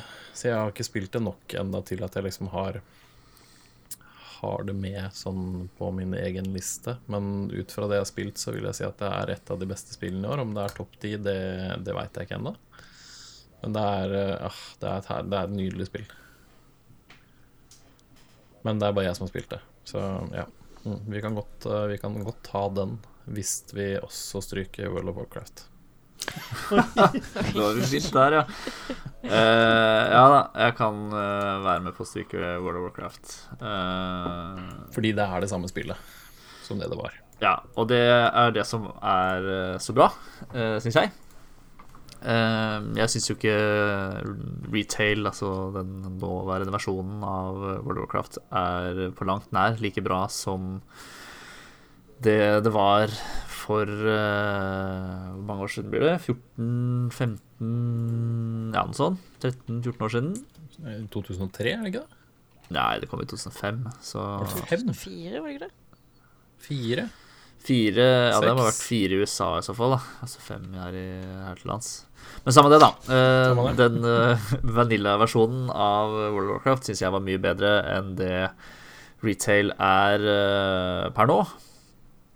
Ehm, og her, her har jeg heller ikke spilt ferdig, selv om jeg putta drøyt Eller ganske nøyaktig 100 timer i det siden august, da det kom. Ehm, så har jeg hatt det mye gøy. Uh, har, hadde blitt ferdig hvis ikke det hadde vært så mye annet å spille denne høsten her. Det har vært en uh, sabla travel høst, sånn sett. Uh, det er mye fælt her i verden, videre. Um, ja. Eh, jeg vil takke Blizzard for, eh, for at de eh, har gjort, eller oppretta, eller lagd denne versjonen tilgjengelig for folk igjen. Det er et godt tiltak. Nå som det er litt sånn nedeperiode, så klarer jeg nok å prioritere World of Warcraft såpass at jeg blir level 60 en gang i løpet av våren. Men ja. Um, ja World of Warcraft anno 2005, eller hva vi kom fram til, har vært på topp ti eh, Game of the Year eh, før. Og eh, trenger kanskje ikke være det i 2019. Eller for 2019. Yes. Jeg føler det er mye velvilje i år. Vi har vært mye sånn holdt mye mer fast disse mye spillene våre tidligere år. Ja. Ja, det er det jeg mener, da. Det blir sikkert det styggere de jo nærmere tieren vi kommer. Ja. Ja, det er ikke det er det, Jeg veit ikke. Mm, nei, samme det. Eh, men nå syns jeg det begynner å bli Nå, nå syns jeg det begynner å bli vanskelig. Telling. Lies. Fortell meg om det. Telling Lies er eh, Sam Barlow som gjør det Sam Barlow eh, kan. Han lager en, en historie, og så gir han deg en PC, og så må du sitte på denne PC-en og finne ut av hva som har skjedd i denne historien, ved å se på eh, altså etterretningsmateriale. De har henta videoklipp fra sånn type Skype-samtaler og sånn eh, av eh, fire forskjellige mennesker, med litt sånn blant andre også, men det er fire hovedpersoner der. Uh, ja, fire. Nå måtte jeg tenke meg om, faktisk. Men det er Det er også sånn at det er veldig, veldig smart spill. Det er veldig velskrevet spill, og det som er liksom kult med det, er at du ser alle videoklippene, da, så ser du bare den ene siden av det, av en samtale. Eh, så det starter med at du liksom ser det er en mann som sitter og prater, da tydeligvis med en kone eller en, en samboer eller et eller annet sånt. Så du ser bare hans eh, del av det. Du hører hans lyd og ikke noe annet. Og så eh, må du søke opp søkeord, og det kan være altså, fraser han sier, eller navn, eller sånne ting. Eh, og jeg tror det første det liksom spillet for å vise deg, så tror jeg de liksom skriver inn 'love' for deg. Og så får du opp fem klipp der de sier 'love' i en eller annen form eller fasong.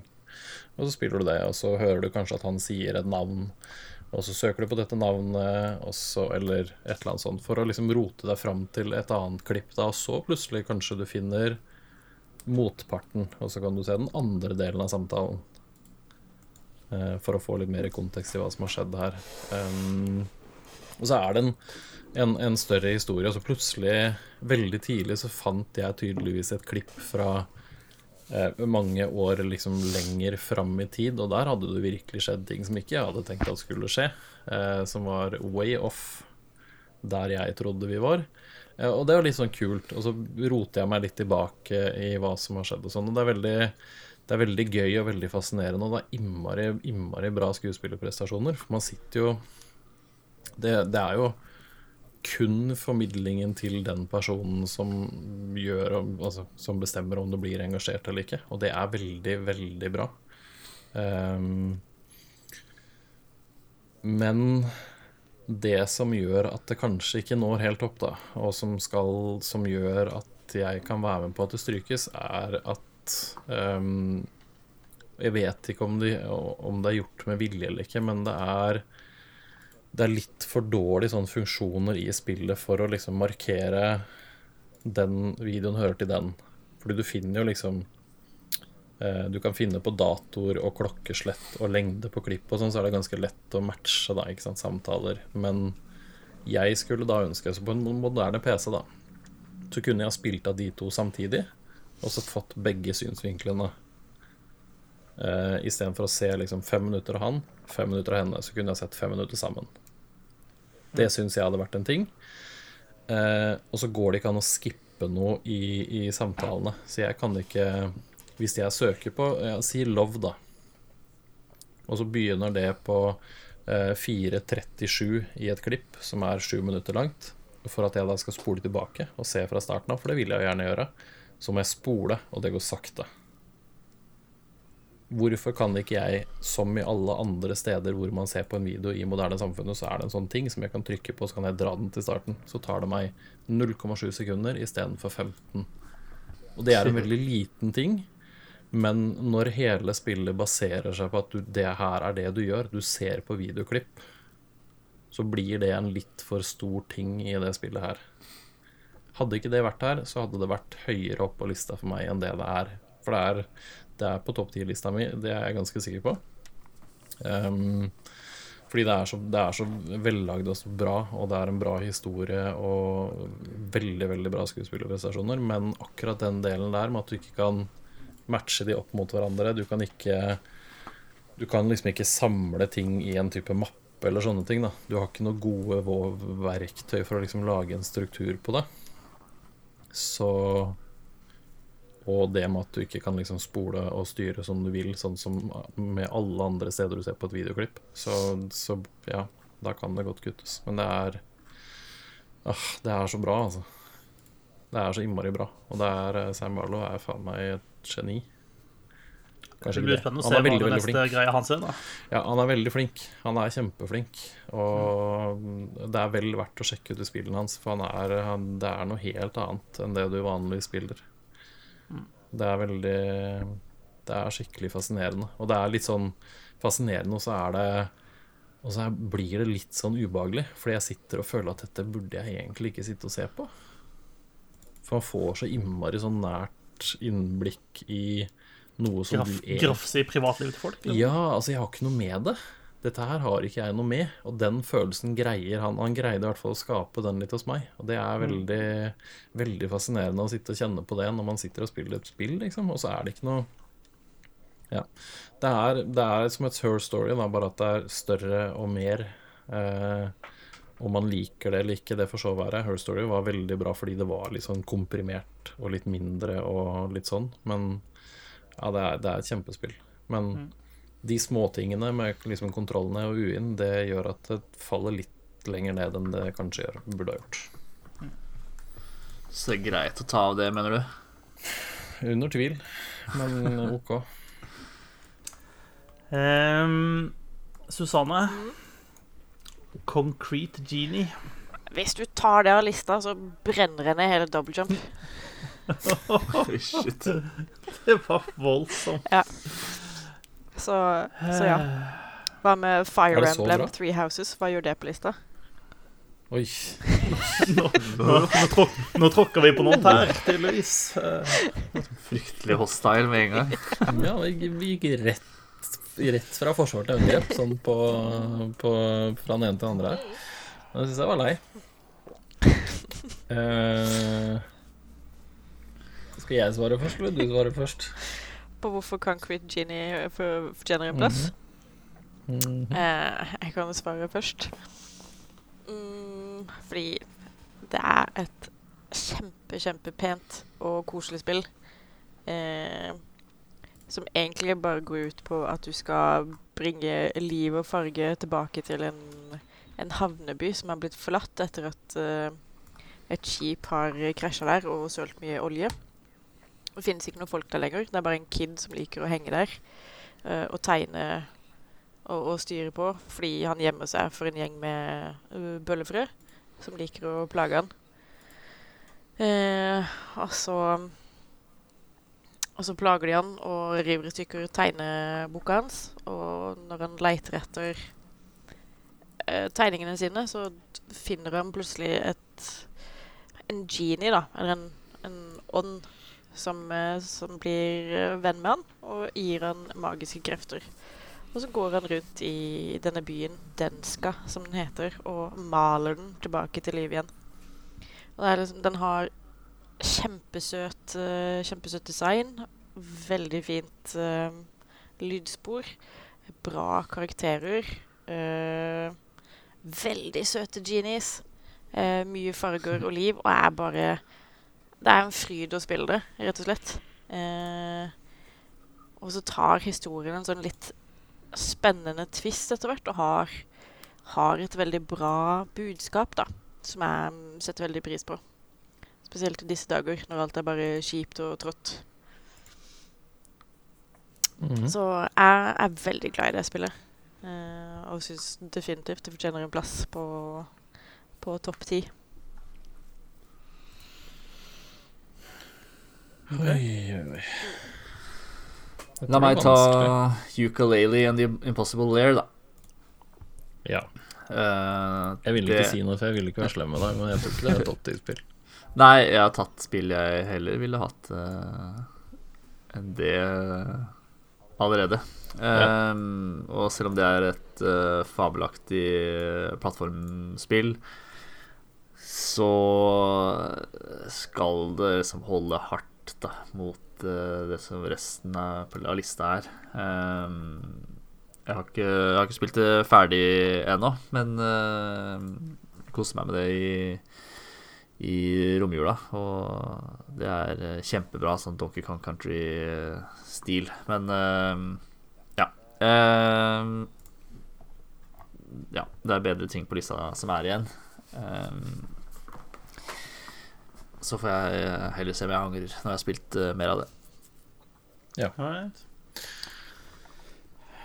Hmm, Men ja. altså, helt, helt ærlig Untitled Goose Game er ikke et topp ti-spill. Nå Nå syns Det er, det er ikke dette er blasfemi, altså. Det er et artig spill. Det har gøye ideer. Det er ting der som er morsomt. Eh, men det, det er ikke topp ti, altså. Det er veldig gøy, men ikke så bra. Uh, og det er litt sånn som jeg føler med, den, eh, med Witcher-serien også. Veldig kul, uh, men ikke sånn kjempebra. Eh, men nå er jeg ikke her for å snakke om det, da. Men, Men, ja, men jeg er helt enig. Vi kan, vi kan fjerne Untitled Goose Game selv om det gjør vondt i hanken. ja. Jeg vet ikke om vi kan si det, men det er greit. Vi kan det nå. Ja. Ja, det er i Um, 13 igjen, da. kan jeg bare slenge, slenge ut en liten her nå? ja. Mm. Eh, hvor bra er egentlig Star Wars? Ja, jeg venter på den. Oi, oi, oi, oi. Denne må dere ta. Ta på kammerset. Ja. Ja, det er dette som er kammerset. ja, for det er et Altså, det er et bra spill. Det er ikke, det er ikke noe tvil om det. Det er, det er et bra spill. Det har en bra historie, det har bra figurer. Eh, det har bra combat. Det har Darth Og- Vader. Det har Darth Vader i, i veldig kort tid. Du kan gjøre lyssabelen din rosa. Ja, du kan gjøre en rosa. Topp ti. Førsteplass. Eh, men Hva sa du med et Gaus Game. Gaus Game. Gears Game. Men eh, Title Ghost Game. det er, altså, altså, det er ingen Hunk, det er noe annet. Vi, vi, vi skal lage uh, A Porsche Goose Game. Det skal vi lage. Man har flosshatt og monokkel. ja, Det er Game of the Year. Lett. Nei, Jedi Boy eh, Jeg er føler sånn det er veldig mange spill på lista som er bedre enn det. Og det er ikke fordi det er dårlig, men det er, ikke, det er veldig lite med Star Wars som er outstanding. Det er veldig lite med det spillet som er sånn Å, dette er det, det er den beste klatringa jeg har spilt. Nei. Det er den beste combaten. Nei. Det er den beste verdenen. Nei. Det er det beste lyssabelen. Ja. Den beste Darth Vader. Ja. Men det er ikke nok til at det er et topp ti-spill, tror jeg kanskje. Og dette, jeg er ikke enig med meg selv nødvendigvis, men jeg vil bare slenge det ut og ha den praten. Ja, altså det som du sier, det spillet er et veldig Det er et, det er et utrolig bra kompromiss mellom veldig mye. Ja. Eh, De på en måte de plukker elementer fra andre spill som fokuserer mye mer på hver av de enkelte elementene, og smører det sammen til, eh, til en veldig tilgjengelig og veldig deilig smørje. Eh, Men det som du sier, altså det er, det er få ting jeg kan peke på i det spillet som er sånn Ingen spill gjør dette bedre. Altså, det som burde Det- sende uh, Star Wars Jedi, Fallen, Jedi Boy rakt ut av lista, er jo lute. Ja. Og det faktum Altså, at det- hver gang du går ja. for å meditere, så blir du jo blenda av det hvite flashet. ja. Tror jeg ble snøblind av det. Måtte gå med solbriller i tre dager etterpå. Ja, det er én ting. Men så er det litt sånn Hvorfor putte 9000 kister i det spillet som et insentiv for å utforske ting, når du ikke får en dritt av å åpne den kista? Dette kommer fra mannen som elsker looter shooters. Ja, og elsker Diablo og whatever. Men altså, eh, du må jo også se for deg Dette er et EA-spill. Eh, det har sikkert vært 13 ulike komiteer som har satt seg ned og diskutert hva skal vi gjøre med lootboxene i dette spillet før vi gir det ut. Eh, jeg er ganske sikker på at de fleste av designerne av dette spillet har hatt lite å si på hva som skjer med de forbanna kistene. Eh, det endte jo selvfølgelig med det det ble, da. Eh, og at de ikke Det var en jævlig og... dårlig løsning. Ja, jo, ja. På en, på en måte. Men eh, jeg er enig i at de kistene er veldig utilfredsstillende. Eh, men det er begrensa med ting som hadde gjort de tilfredsstillende også. Altså, hvis jeg hadde fått, eh, fått en sånn jævla pluss to vest eh, istedenfor å få en rosa vest, hadde ikke gjort veldig stor forskjell. Nei, men altså, de kunne gjort det de gjør, men de kunne gjort det så mye bedre. Ikke sant? De kunne hatt eh, De kunne heller ha gitt deg mer i de kistene enn en annen fargetone på den samme kjipe vesten. For du det har liksom Det er jo dette dere digger så mye i Destiny. Det er akkurat dette. Hei! Nei, Hei, det er mer variasjon. Det er så lite variert, Ja, og det er så ja, det er kjedelig. Det er så Det bland, det, det du får i Star Wars. Å ja, det var The Division vi snakka om, ja. Ja, ja, det er for så vidt litt Men der har du i hvert fall noen tall da, som blir litt større. Så det har liksom det gående for seg. Men det er så Altså, jeg, jeg, om, om den, den jakka jeg har på meg, om man er lysebrun eller litt mindre lysebrun, det er ikke sånn Å, yes, nå fikk jeg den fargetonen. Altså, Det er ikke det jeg sier når jeg åpner en kista, men det hadde vært sånn Gi meg en dobbel lyssabel eller nye krystaller eller et eller annet sånt. Gi meg det i hopetall, da. La meg Nei, nei det, det er helt misforstått. Det er jo hele poenget. Hvis du får dobbel lysesabel i hopetall, så tar du jo bort hele verdien av å få en dobbel lysesabel. Ja, noe Det går inflasjon i dobbel lysesabel umiddelbart. Ja, Dobbel lyssabel er kanskje dårlig, dårlig da, men gi meg fargekrystaller, da. Og muligheten for å bytte på fargene der, eller gi meg kapper, eller hva som helst. Gi meg noe som er litt mer enn det som er der, for det er styggkjedelig. Jeg gadd Ja. ikke åpne kister til slutt. Ja, jeg er enig i det. Jeg er enig i det. Og det er ikke det at jeg må ha de tallene, for jeg skjønner at et, en lyssabel er en lyssabel. Det er ikke, det, er ikke pluss én lyssabel. Det finnes ikke. Du har ikke spilt Nights of the Old Republic, skjønner jeg. Jo da, jeg har jo det, da. Selvfølgelig har jeg det. Så det går an, det også. Men ikke nødvendigvis i det spillet her. Det, det er greit. Jeg savner ikke Jeg savner ikke et oppgraderingssystem sånn. Det gjør jeg ikke. Men de kistene er bullshit, altså. Ja, det er noe med når du dingler liksom noe foran som ser ut som noe fristende, og så er det the cake is a lie, liksom. Da, da blir du jo skuffa. Ja. Det hadde nesten vært bedre om de ikke var der, de kistene i det Det hele hadde vært bedre. Eller gi noe law, eller gi meg et eller annet annet. Gjør noe annet med det, i hvert fall. For det, der, det Ja. de gjorde, var ikke bra. Ja, da, jeg er enig i det, men eh, det er noe for så vidt så. Nei, jeg, jeg, vil jeg har vel tenkt tanken at det spillet i beste fall kunne få nummer ti-plass på lista vår, og ikke noe høyere enn det. Eh, men hvis, hvis folk mener at det er ikke når høyere enn de 13 beste spillene, så er så er det greit for meg. Ja. ehm.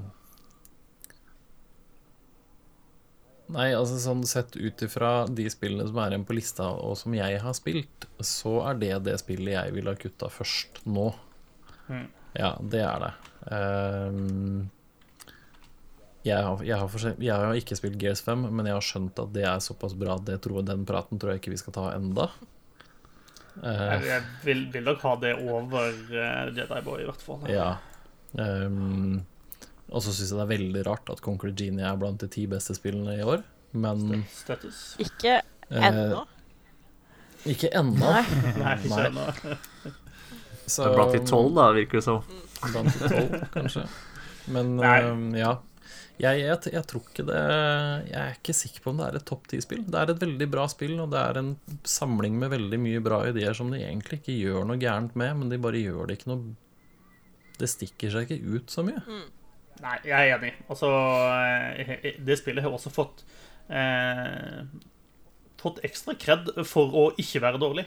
Ja, det er liksom Å, shit, det er et helt OK Star Wars-spill. Det var ikke dårlig, Ja. liksom. Og det er til, og liksom ikke- til og med et ganske bra Star Wars-spill. Ja, det er litt sånn Nintendo slipper unna med masse dumme ting fordi de er Nintendo. Ja. Ja. Så ja, nei eh, mm, Kan hende vi tar det tilbake igjen, men eh, nei. Jeg tror ikke. Well played, Star Wars, Jedi Ja. Boy. GG. Yeah. GG. The, then there were 12. Ja. Da skal jeg komme med et forslag. Uh, Det er noen remakes på denne lista her. ja, jeg skal komme med et forslag nå. Jeg kan være med på at eh, Resident Evil 2 ikke når 100% opp. Men jeg har veldig vanskelig for å være med på at Concrete Genie skal være på topp 10-lista satt opp imot de andre spillene som er igjen. Men har du spilt det? Såpass. Nei, men allikevel Aha! så ser jeg på de spillene som er igjen, og så tenker jeg at det er ikke like bra som de. Ja, da tar du grundig feil. Ja, det kan godt hende. Men det var, bare, det var bare noe jeg slang ut. OK, men hva, hva annet skal ut, holdt jeg på å si? Resident Evil 2. Ok, da har vi 11. Mm. Ja Fire Emblem. Hva, hva er det som er så stort Ja, men- ståhei ja. med det? Hvis vi skal kutte Hvis vi skal kutte Resident Evil 2, da, så vil jeg si bare to ord om det. Eh, for jeg tror, ikke det er, jeg tror heller ikke det er på topp 10-lista, litt fordi det bare er jeg som har spilt det. Det er eh, Jeg tror det er den beste sånn remaken av et gammelt spill jeg har sett på veldig, veldig lenge. De beholder alt av det som var bra i, i originalen, og så fornyer de veldig mye av det de trenger å fornye, samtidig som de greier å holde på den den, den gufne, gufne greia som var. Eh, Jeg husker veldig godt hvordan det var å spille Resident Evil for lenge siden, når jeg satt og spilte Resident Evil 2 nå igjen. Um, og så er det også eh, Jeg liker hele, hele greia med Resident Evil, det at du er inne på denne politistasjonen og du lusker rundt, og det er liksom Det er liksom litt sånn lite og komprimert område og spill i seg selv, og så er det Nei, det er bare Det er, et, det er en veldig bra remake. Uh, som, som jeg veldig vil anbefale folk å spille, hvis du liker Resident Evil-spillene, i hvert fall. Ja, det var det. Takk. Greit. Det er elleve spill igjen. Det er én til som må ut uh, før vi har uh, de som skal være på topp ti. Eh, de som gjenstår nå, det er A Plague Tale Innocence, det er Disco Elysium, det er Gears 5, det er The Legend of Zelda Link's Awakening, Concrete Genie, Super Mario Maker 2, Slay the Spire, Sekiro Shadows Die Twice, Control, Fire Emblem Three Houses og The Outer Worlds. Ja. Den Ja. må ut. Én må ut før vi har ti. Mm. Um, Ja. Dette, av og til så føles dette nesten som den verste. Dette er den verste. Ja. Det For hvis du liksom har fått, fått hjertebarnet ditt med på lista, så er det liksom OK, tiendeplass er liksom greit. Men ellevteplass, da, ryker du ut på lik linje med Anthem, på en måte. Ja. Uh, mm. Ingen, ingen husker 11.-plassen. Hvor bra er egentlig Sekiro? Ja, det er egentlig Jeg har ikke tenkt så mye på det akkurat nå i dag. Eh, men jeg har tenkt mye på det før. Og Sekiro er et veldig, veldig, veldig bra spill. Ehm, det har det, det har greid å nå er, ikke, nå er ikke jeg noe samurai fra 1100-tallet, eller når de holdt på som verst, men jeg tror kanskje de har greid å fange litt hvordan det er å være en samurai. De har greid den Den combaten har de greid veldig, veldig bra. Um, og det er en veldig I motsetning da til de andre spillene som, som uh, From har lagd, så har de greid å få til den det med at du Altså, du har jo en sånn grapple hook som du skyter opp, så du driver og klatrer og løper over tak og alt mulig sånn, og den den vertikaliteten de har fått til i brettene sine, og det å bruke det til din fordel og, og sånn, den, den har de også løst veldig, veldig bra for første gangen i sine spill. For du er jo stort sett låst på bakken i, i From-spillene tidligere, i hvert fall. Um, men eh, det er også Jeg tror det er det eneste From-spillet jeg ikke har runda. Sånn som når jeg begynte å spille det, så har jeg spilt og spilt og spilt til jeg er liksom ferdig med det. Og jeg vet, jeg vet ikke helt hvorfor det. Jeg tror Er det vanskelig for deg? Ja, altså noen av bossfightene er dritvanskelige, men det skal det være. Jeg plages ikke av det. Eh, altså, jeg er nok ikke Jeg er ikke like snabb på fota nå som det jeg var på Dark Souls når det kom i sin tid, men jeg er heller ikke Jeg er ikke, jeg er ikke så dårlig at jeg ikke greier Sekiro. Jeg har kommet langt i det, jeg syns det er ikke det, liksom, men um, Jeg tror det er litt sånn litt fiendevariasjon, kanskje, som er litt uh, ikke er helt optimal. Jeg syns ikke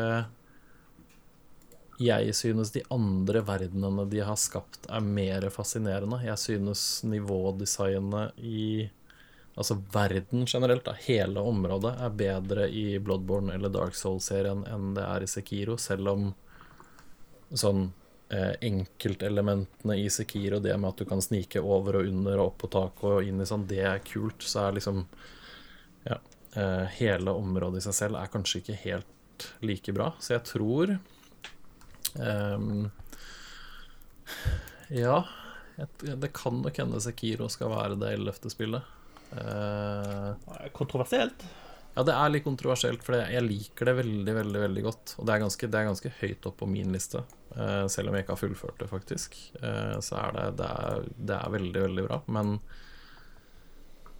det er ikke Det er ikke det beste spillet til From. Det er, det, det er, ikke, det er ikke der, liksom. Jeg synes i hvert fall tre av de andre spillene deres er bedre. Kanskje til og med fire. Det er, veldig, det er en veldig høy list, for det er, det er spill som står veldig høyt på, på min favorittliste sånn generelt, alle de spillene der. Men eh, ja. Nei, Sekiro er, det er kjempebra. Men det, ja, det kan godt hende det er det ellevte spillet, selv om jeg er enig. Jeg syns det er Ja. Det er bedre enn Plague for meg, da. Det er eh, eh, Nå skal jeg være litt ufin. Jeg er ganske sikker på at det er bedre enn Concrete Genie. Eh, men uh, Ja, nei. Jo, vet du hva? Jeg vil, jeg vil kutte Plague Tale først. Men det er liksom Jeg vil kutte Plague Tale før jeg vil kutte Sekiro, faktisk. Å, nei. Men, uh, mm. Ikke Plague til. Du, du starta et sted, og så prater du deg sjøl ut av det. Gjøran. Jeg gjorde det. Merka du det? Det er, det er erfaring, kalles det. Rutinerfaring. Nei, jeg, nei jeg skal ikke, kan jeg skal noen ikke kalle bli, det. Jeg skal ikke bli sånn. Um, fordi jeg skjønner at det er flere som liker eh, andre spill her. Så det er greit at Sekiro tas bort, men det er eh, det er med tungt hjerte, fordi det, jeg syns det fortjener en topp ti-plass. Definitivt. Men ja, det er jeg som spilte. Det er min type spill, så jeg skjønner at det kanskje må, må gå. Men jeg er ikke enig i at det er det ellevte beste spillet. Så da Du, er foreslår, du foreslår å kutte Sikiro, men du er uenig. Ja, Mm. det, er- det er greit. Ja, det var ikke jeg som foreslo det. Ja, jeg, jeg vil si at det var det. Det kan være at uh, Susanne brukte et sånn der en, eh, skummelt Inception-triks på deg, men jeg er ganske sikker på at det var du som foreslo det. Ja, jeg var jo spurt, for jeg har jo ikke spilt det. Så jeg, ikke, så jeg tenkte Må høre hva du sier, har Ja. å si om det. si. Nei, det er det. Det er, det, det er, det er et av de ti beste spillene i år. Det er det, det, er det liten tvil om. Ok, Men, eh, Flytte opp igjen, da. Nei, men hvis man ikke er Altså, det er litt sånn villigheten til å stryke andre ting jeg tror jeg kanskje er verre, da. Jeg har andre spill jeg vil kjempe hardere for enn Sekiro, men jeg hadde kutta Jeg hadde kutta Plaguetale, jeg hadde kutta Gears, for det har ikke jeg spilt. Jeg hadde kutta Selda, Conquer Genie og Super Mario Maker før jeg hadde kutta Sekiro. Ja, hva, hva sier dere andre Ja. om eh, disse, disse spillene? Holdt jeg på å si? Bortsett fra Gears 5, da, som er amazing. og Concretino og Plague Tale. Jeg, jeg har bare altså, er spilt jo- litt grann i Super Mario Maker, og det er liksom gøy. Men er det noe mer? Jeg kan si det med en gang, da. Super Mario Maker 2 er haugen jeg skal dø på i år, så stay back. Men er det så annerledes enn Super Mario Maker? Ehm, jeg vil si det er, det er mer, da. Det er større. Eh, det er jo selvfølgelig mye, mye likt, men eh, Super Mario Maker 2 er Det er en utømmelig kilde av eh, Super Mario-brett. denne uka her bikka de 10 millioner brett, liksom. Jeg har spilt 120 timer, tenker jeg, eh, i år. Eh, så det har en spesiell plass eh, for meg i 2019. Ja. Lista skal jo reflektere oss alle. Så ja, jeg syns ikke det er urimelig eh, at du skal ha med din number one favorite på topplista. Nei, det er Takk ikke Ja, av de, av de som er igjen på lista, da, så ja. Jeg ville ha kutta Plague Tale før Sekiro, men uh, Greit nok. Men vi kan kutte um, Concrete Genie, siden vi i hvert fall er to som er enige med at Plague Tale er bra. Det er jo bare jeg som har spilt Concrete. Og selv om det havner Ja, det er bare jeg som har spilt Sekiro. Så Ja. liksom, eh, Det er liksom vi havner, kommer på, til det punktet på havner på andreplass på min personlige liste. Uh, Oi. Plague Tale ikke fullt så høyt, men allikevel så har jeg mer lyst til å ha det på denne lista. Tror jeg. Mm. Ja. For, for, for en som har spilt verken Sekiro eller Concrete Genie, så har jeg mest lyst til å kutte Concrete Genie. Ja. Jeg tror også i, som, i samme situasjon som Marius, så stemmer jeg liksom Marius. Historien for å vise hvor, eh, hvor smart valg det var. Men Ja, det er liksom Jeg greia lover at jeg skal spille Concrete Genie, og så kan jeg, skal jeg komme krypende på knærne og si at ja, ja du, tok, eh, du hadde rett og jeg tok feil. Hvis det Ja, er feil. spill det. Det er kjempefint. Det, er liksom, det havner Ja, litt i jeg- samme gate som Fe og Gris og Journey, syns jeg. Ja. Eh, uten å kanskje Jeg liker ett av de spillene, i hvert fall. Minst ett. Uten å kanskje være like bra, men nesten. Mm. Hadde dette vært uh, Så det er egentlig Hadde dette vært Chris det eller Fe, så hadde jeg satt meg på bakbeina. Men Concrete Genie får Det får, gå.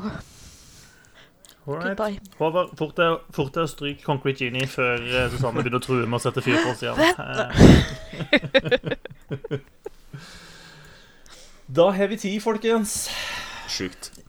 Vi har ti spill i urangert rekkefølge. Eh, A Plague Tale Innocence, Disco Elysium, Gears 5, The Legend of Zelda Link's Awakening, Super Mario Maker 2, Slay the Spire, Control, Fire Emblem Three Houses, The Outer Worlds og Sekiro Shadows Die Twice.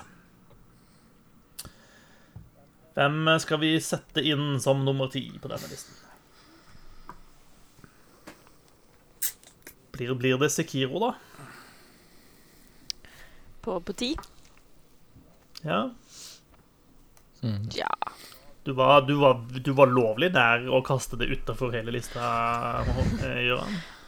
Ja, ja, da får de ikke lov til å å litt komme noe høyere enn ti, altså. Nei. Nei, jeg, jeg prøver, å, prøver å liksom uh, Huske hvor bra det er, men samtidig være litt politisk i forhold til at det er et det, Vi lever i et demokrati her. Uh, ja. Så jo da, jeg kan være, jeg kan være med på at uh, kanskje Sekiro skal være det første spillet på topp ti-lista. Altså det siste spillet på topp ti-lista. Ja. Det første Jeg som prøvde, låses jeg prøvde en siste gang. ja. Ja. Du, du, du, du får ikke tatt oss på en sånn teknikalitet, uh, Nei, nei, jeg. Men det er ja. Fint. OK. Sekiro Shadows Die Twice låses inn som nummer ti på listen. Ja. Hva Men- annet er vi villige til å dytte ned på denne lista? Altså, vi har ikke snakka noe om uh, Links Awakening ennå. Nei? Det har vi ikke. Hvor, hvor bra er det egentlig? Uh, jeg syns det er kjempebra.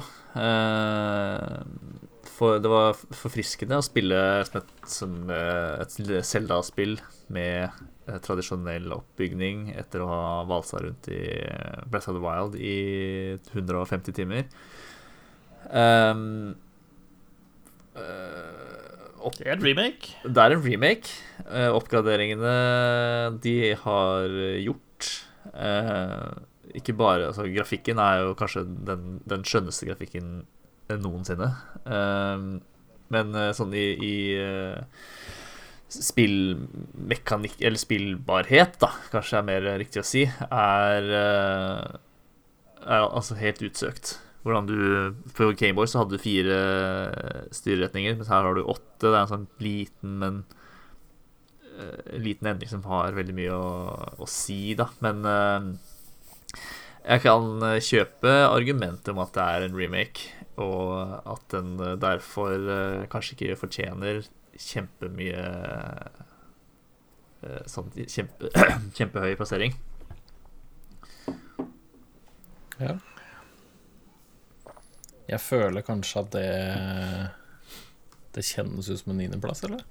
Av de spillene jeg har spilt på denne lista, så vil jeg nok legge den under de andre, ja. Ja. Så jeg kan gå med på niendeplass på den. Faen, nå, er, nå er vi gode. Nå føler jeg vi er Nå er vi inne i en god flyt. Det er vi.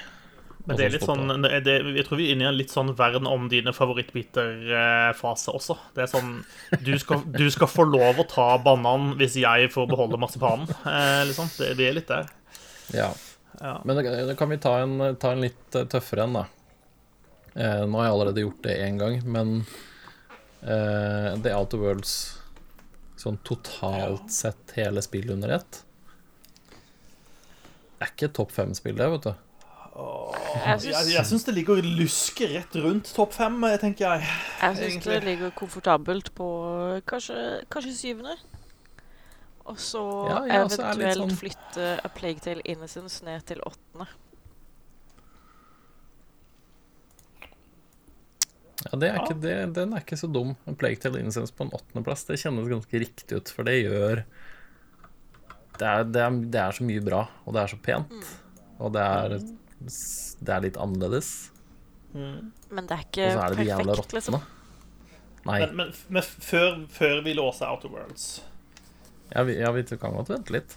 Ja, bare, Vi kan godt ha det sånn inntil nå, men, men, men før vi bare låser det, så vil jeg at du Jørgen, skal fortelle hvorfor Fire Emblem Three Houses er så utrolig bra. Ja, nå har jeg spurt om Ja. dette lenge og ikke fått Ja. noe svar. Jeg har greid å, jeg har greid å dodge det fram til nå. Ja, og så Eh, når mannen spør, da svarer du. Ja, ikke sant.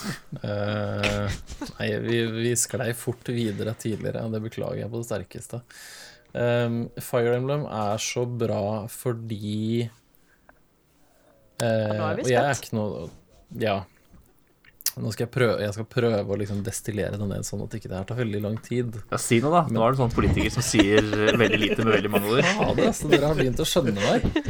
Helvete. Du prøver å liksom få inn noen andre spilleren, og så jeg slipper Nei da. eh, Det, det har så mange gode historier inne i en sånn En større historie, selvfølgelig, som også er veldig bra. Eh, Hvis jeg skal ta liksom det først, da. Den hovedhistorien er bra, den er Men den er også veldig Altså, det er et langt spill, så det er en lang historie, og det kan bli litt sånn langtekkelig og sånn, men den Altså den eh, koblingen og den connection du får med alle disse elevene dine gjennom altså, små samtaler som i starten egentlig er litt sånn teite. Altså det er litt sånn satt på spissen. Hun som er sjenert, hun er så sjenert at hun nesten besvimer når noen sier hei til henne, type. Og låser seg inne på rommet og Altså det blir litt sånn Det blir litt sånn eh, veldig satt på spissen, da. Eh, men så bruker du liksom tid, og du eh, har disse altså T-selskaper, eller hva det måtte være, og så bygger du opp liksom et sånt tillitsforhold til, til denne personen. Vi kan bruke den hun som da låser seg inn på rommet og ikke tør å prate med folk, som et eksempel. Um, jo mer du blir kjent med henne, jo mer får du vite om henne, og så viser det seg da til slutt at hun har Hun har blitt liksom ordentlig eh, emosjonelt mishandla og fysisk mishandla av faren sin når hun var liten, og blitt type bindt fast til en stol for hun, fordi hun skal lære å sitte pent som en flink pike. Eh, og da blitt helt ødelagt av det, selvfølgelig, i voksen alder. Det er historien de forteller. Og den forteller de så innmari bra, med så veldig, veldig mange av de figurene der, på forskjellige måter. Eh, og det å det at de greier å balansere den dumme starten med det alvorlige temaet, med flere av disse figurene, er, det er veldig imponerende. Og det er veldig godt lagt opp, og du får Jeg fikk i hvert et veldig sånn kjært forhold til mange av de, på en helt sånn rar måte. Um, så det er liksom den ene delen av det. Og så er det uh, den effekten av den derre timeskippen som skjer når den plutselig skjer i spillet, uh, og hvor dramatisk den liksom kjennes på Altså for meg, da. Hvor liksom hardt den slo, og hvor, hvor tøft det egentlig var å se konsekvensene av det som hadde skjedd. Eh, hvor splitta verdenen var. Eh, hvordan de de ulike familiene, da, hva som hadde skjedd med dynamikken de imellom, og, og hvor eh, hvor ødelagt sånn eh, emosjonelt og psykisk en del av de var. Eh, og da, da følte jeg meg veldig lite sånn eh, Da følte jeg meg veldig, egentlig litt lite verdt, fordi jeg liksom har sveket dem på en eller annen måte i det spillet. Um, og det her er ting jeg ikke hadde forventa at et Fire Emblem-spill skulle gjøre med meg. Fordi det er et Fire Emblem-spill. Altså det jeg hadde aldri trodd at det liksom skulle ta, ta den delen av det. At det var det som imponerte meg mest. Fordi det er altså sånn gameplay-messig, altså strategien og kampsystemet og sånn, er helt gull. Det er kjempebra. Det er turbasert. Det er masse klasser å velge mellom og bygge, og eh, kampene er vanskelige, men kanskje ikke vanskelig nok. Et, etter et visst punkt så blir du litt for god, men allikevel så er det bra. Så det er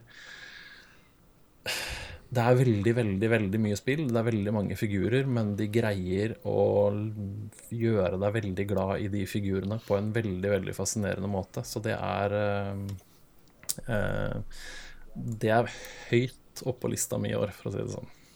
Og det er bedre enn The Outer Worlds. Ja. Det er det. Jeg syns det, det, er- det er et fantastisk bra spill, og det er kanskje det spillet som har overraska meg mest i år. Eh, og det er ikke Og det er på grunn av alle disse menneskelige historiene og tematikken de tar opp og sånn, som jeg syns er Det er tøft å gjøre det, og, det er, og de gjør det på en god måte. Det blir ikke flåsete og teit, liksom. Det, de greier å liksom få det litt sånn nært og ja, troverdig på en eller annen måte. Så det blei en lang forklaring allikevel, men det måtte til. Derfor er Fire Emblem på lista, og jeg syns fortsatt det skal være høyere opp. Er det bedre enn Slay the Spire? Det er ikke Ja. nevnt med et ord. Uh... Det er det. Det, det er to vanskelige dyr å sammenligne, syns jeg. Det er to vanskelige spill å sette mot hverandre. Jeg, jeg syns fortsatt Fire Emblem for meg så er det et bedre spill, men Slay the Spire er jo f- også et fantastisk bra spill. Så det, er, ja, det begynner å bli vanskelig nå. Men jeg, Men- men- setter, eh, jeg setter Slade Aspire Spire og Fire Emblem over uh, Outer Worlds, da, personlig. Ja. Mm. Jeg, jeg syns du argumenterer godt for Fire Emblem. Um, jeg, jeg kan være med på at vi låser Plague Tale på åttende og Outer Worlds på sjuende. Jeg synes, Vi har ikke prata så mye om Outer Worlds, egentlig. Ehm, Nei, altså det er flere spill vi ikke har prata om her, men jeg, det er litt sånn eh, Det er noen spill vi vet kommer ganske høyt. ja, men hvis vi nå er der at vi vurderer om vi skal låse Outer World, så bør vi kanskje si to ord om det, da. Ja, hvem vil gjøre jeg. det, da? For jeg tror det her, det er det jo Er vi tre av fire som har spilt det ferdig? Jupp. Jeg det ferdig, i hvert fall. Ja. Jeg, jeg også. Um, det, er, det er veldig gøy. Det er basically en, en Firefly-simulator. Du, du reiser rundt i verdensrommet og plukker opp strays, som alle er litt eh, ødelagte og rare på sine egne spesielle måter. Og så hjelper du de eh, på veien i livet. Og så er det også noe greier med noe eh, corporations og noe authority og noe skip som må tines opp eh, innimellom der. Det er liksom ikke like viktig Nei. som de folkene du plukker opp på veien. Ja. De, det er jo de som er historien. Alt det andre er bare staffasje. Ja. Veien er målet, eller hva man sier. Veien er målet. Ja. Ja, ja, det er Outer Worlds er bra. Jeg syns det, synes det er et kjempebra spill, og det er det første Fallout-type spillet, hvis jeg kan si det, som jeg syns har vært ordentlig bra. Mm. Jeg syns også det er, det er et morsomt fallout. Jeg, synes det, jeg setter veldig pris på at man kan spille litt sånn som man vil. Sånn som meg og min samboer. Vi spilte som stokk dum. Eh, vi skrudde intelligensstaten helt ned på null, nesten. Eh, og blei da så dumme at vi ikke kunne bruke skytevåpen. Og heller ikke gjøre noe særlig science-ting. Så vi har jo gått hele, gjennom hele spillet uten å kunne tinker med ting. Eh, og i tillegg til å da være stokk dumme, så hadde vi så mye fallskader at vi fikk permanent hjernerystelse. Eh, som er veldig spennende. Eh, men når du spiller som, som dum, så får du alltid opp et dumt svaralternativ når du snakker med folk. Og det, det får du liksom gjennom hele spillet, selv i den aller siste sekvensen. Eh, når du har liksom redda universet og snakker med han eh, Phineas Fogg, eller hva faen han heter. Mm. eh, og han spør deg liksom Han sier OK, nå har jeg lyst til å gjøre deg til sjefen for denne kolonien fordi du har gjort så mye for å hjelpe den. Og du, som den dumhassen du er, svarer ja, nei takk, jeg har mer lyst på iskrem, liksom. Så Mm. svarer man det, og da blir det også inkorporert i epilogen. Eh, hvor, hvor de da sier at han Herb, Herbie the Car, Phineas, Phil eh, Old Man McGee eh, måtte man er jobbe med å redde kolonien på egen hånd fordi The Great Deliverer hadde stukket av for å spise is. og så skriver de også der, når du sitter der og liksom nyter din første skei med is på 70 år, så tenker du at alt det du har gjort, alle valgene du har tatt, har ført til dette øyeblikket. Og det har vært så jævlig verdt det. ja, Festlig. Eh, når det er sagt, så vil jeg uh, ha protokollført at Outer Worlds er ikke bedre enn Fallout New Vegas. Uh, det er det faktisk ikke. Um, Nei, det har jeg ikke vært innom, dessverre. Men uh, hvis sammenligner med Fallout eh, 4, så er Outer Worlds uh, overlegent. ja, ja jeg, jeg, jeg er tilbøyelig til diskusjonen. Til det. Eh, er ingen diskusjon. Ja, nei, jeg veit ikke. Jeg har, ikke, jeg har liksom ikke Ja. Det er det vi, har prata om før, hvorfor jeg ikke er noe har falt helt for de andre Fallout-spillene. Så det, det er ikke så farlig, det. Jeg syns Worlds er gøy å spille. Det er masse Altså, det er velskrevet, og det er humor, og det er eh, gode, gode figurer. Det er, de gjør liksom alle disse tingene riktig. Jeg syns det Jeg syns jo detter list, den siste, siste liksom akten i spillet, syns jeg er Jeg syns den er hakket dårligere, kanskje. Uh, en, Det, det, blir- det blir litt plutselig. det blir litt plutselig Det blir litt plutselig litt forced. Ja, og det kjennes ikke like Altså Alle disse valgene du gjør og alt mulig sånn i starten, det kjennes liksom veldig sånn naturlig, og det skjer litt sånn organisk og sånn, og det blir litt mer sånn Ja, det kjennes ut som de kanskje har hatt litt dårligere tid på å dra i land spillet. Det kjennes litt mer tvunget ut. Det kjennes ikke ut som ting skjer like organisk og like naturlig i den siste delen av spillet. Og det var ikke, det var ikke nødvendigvis noe jeg tenkte på den første gangen jeg spilte gjennom det, faktisk. Så, så, men jeg, jeg merka det mer nå på, på runde nummer to. At det er Det er veldig bra opp til et visst punkt, og så blir det litt mindre bra. Ja, altså, Men det er altså, Og det er, ikke, det er ikke det at det er dårlig, men det er bare Det er ikke Det, er ikke, det, det detter litt, da. Det detter lite grann på slutten, syns jeg. Ja, ja altså, det er også noe med Altså, jeg syns mm, Når vi drar sammenligningen til Fallout-spillene, da, eh, så føles Altså, ver Fallout-verdenen føles mer som en ekte, levende verden. Jeg syns Outer Worlds, eh, med alle disse corporationene og sånn, der føles det ut som om Eh, når du møter en representant for en corporation, så, så er, er det bare han representanten for den corporation. Det er ikke et faktisk stort konglomerat her noe sted. Eh, det, det føles litt som om what you see is what you get. Det er ikke noe mer enn dette. Det er disse få planetene du ser her, og det er ikke noe mer enn det du besøker. på en måte. Jeg syns ikke de har klart å, å um, eh, skape helt et univers da, som, på, på samme måte som Fallout-spillene. Eh, kanskje det er noe de kan gjøre på sikt, hvis de fortsetter å lage et spill til The Outer Worlds. Jeg er ikke helt sikker på om jeg ønsker det heller. Eh, jeg tror kanskje det spillet står helt fint sånn på egen hånd. Mm. Og så syns jeg også at karakterene som er med i spillet, som er noe av det bedre i, i spillet, fortsatt bare er helt terningkast fire, egentlig. Altså, jeg, De er sympatiske, jeg liker de, men jeg syns ikke de gjør nok ut av de. Eh, flere av de karakterene der hadde fortjent eh, på en måte å, å ha en lengre eh, ark enn det de har, på en måte. Eh, sånn at alt, alt, går, alt går litt for raskt frem, samtidig som du jo legger nok i det. Så ja. Jeg tenker at sjuendeplass på lista er helt greit. Ja, jeg tror faktisk det er, det, det er en god plassering. Ja For da er vi enige om at vi har låst Plague Tale, da. På åtte. Ja. Det er et kjempebra spill. Flere burde spille det, tenker jeg. For jeg føler at det har ikke nok folk spilt. Flere burde spille Plague Tale. Og det ser helt sjukt ut innimellom. Det er så pent. Ja, det er så pent, det, faktisk. Ja.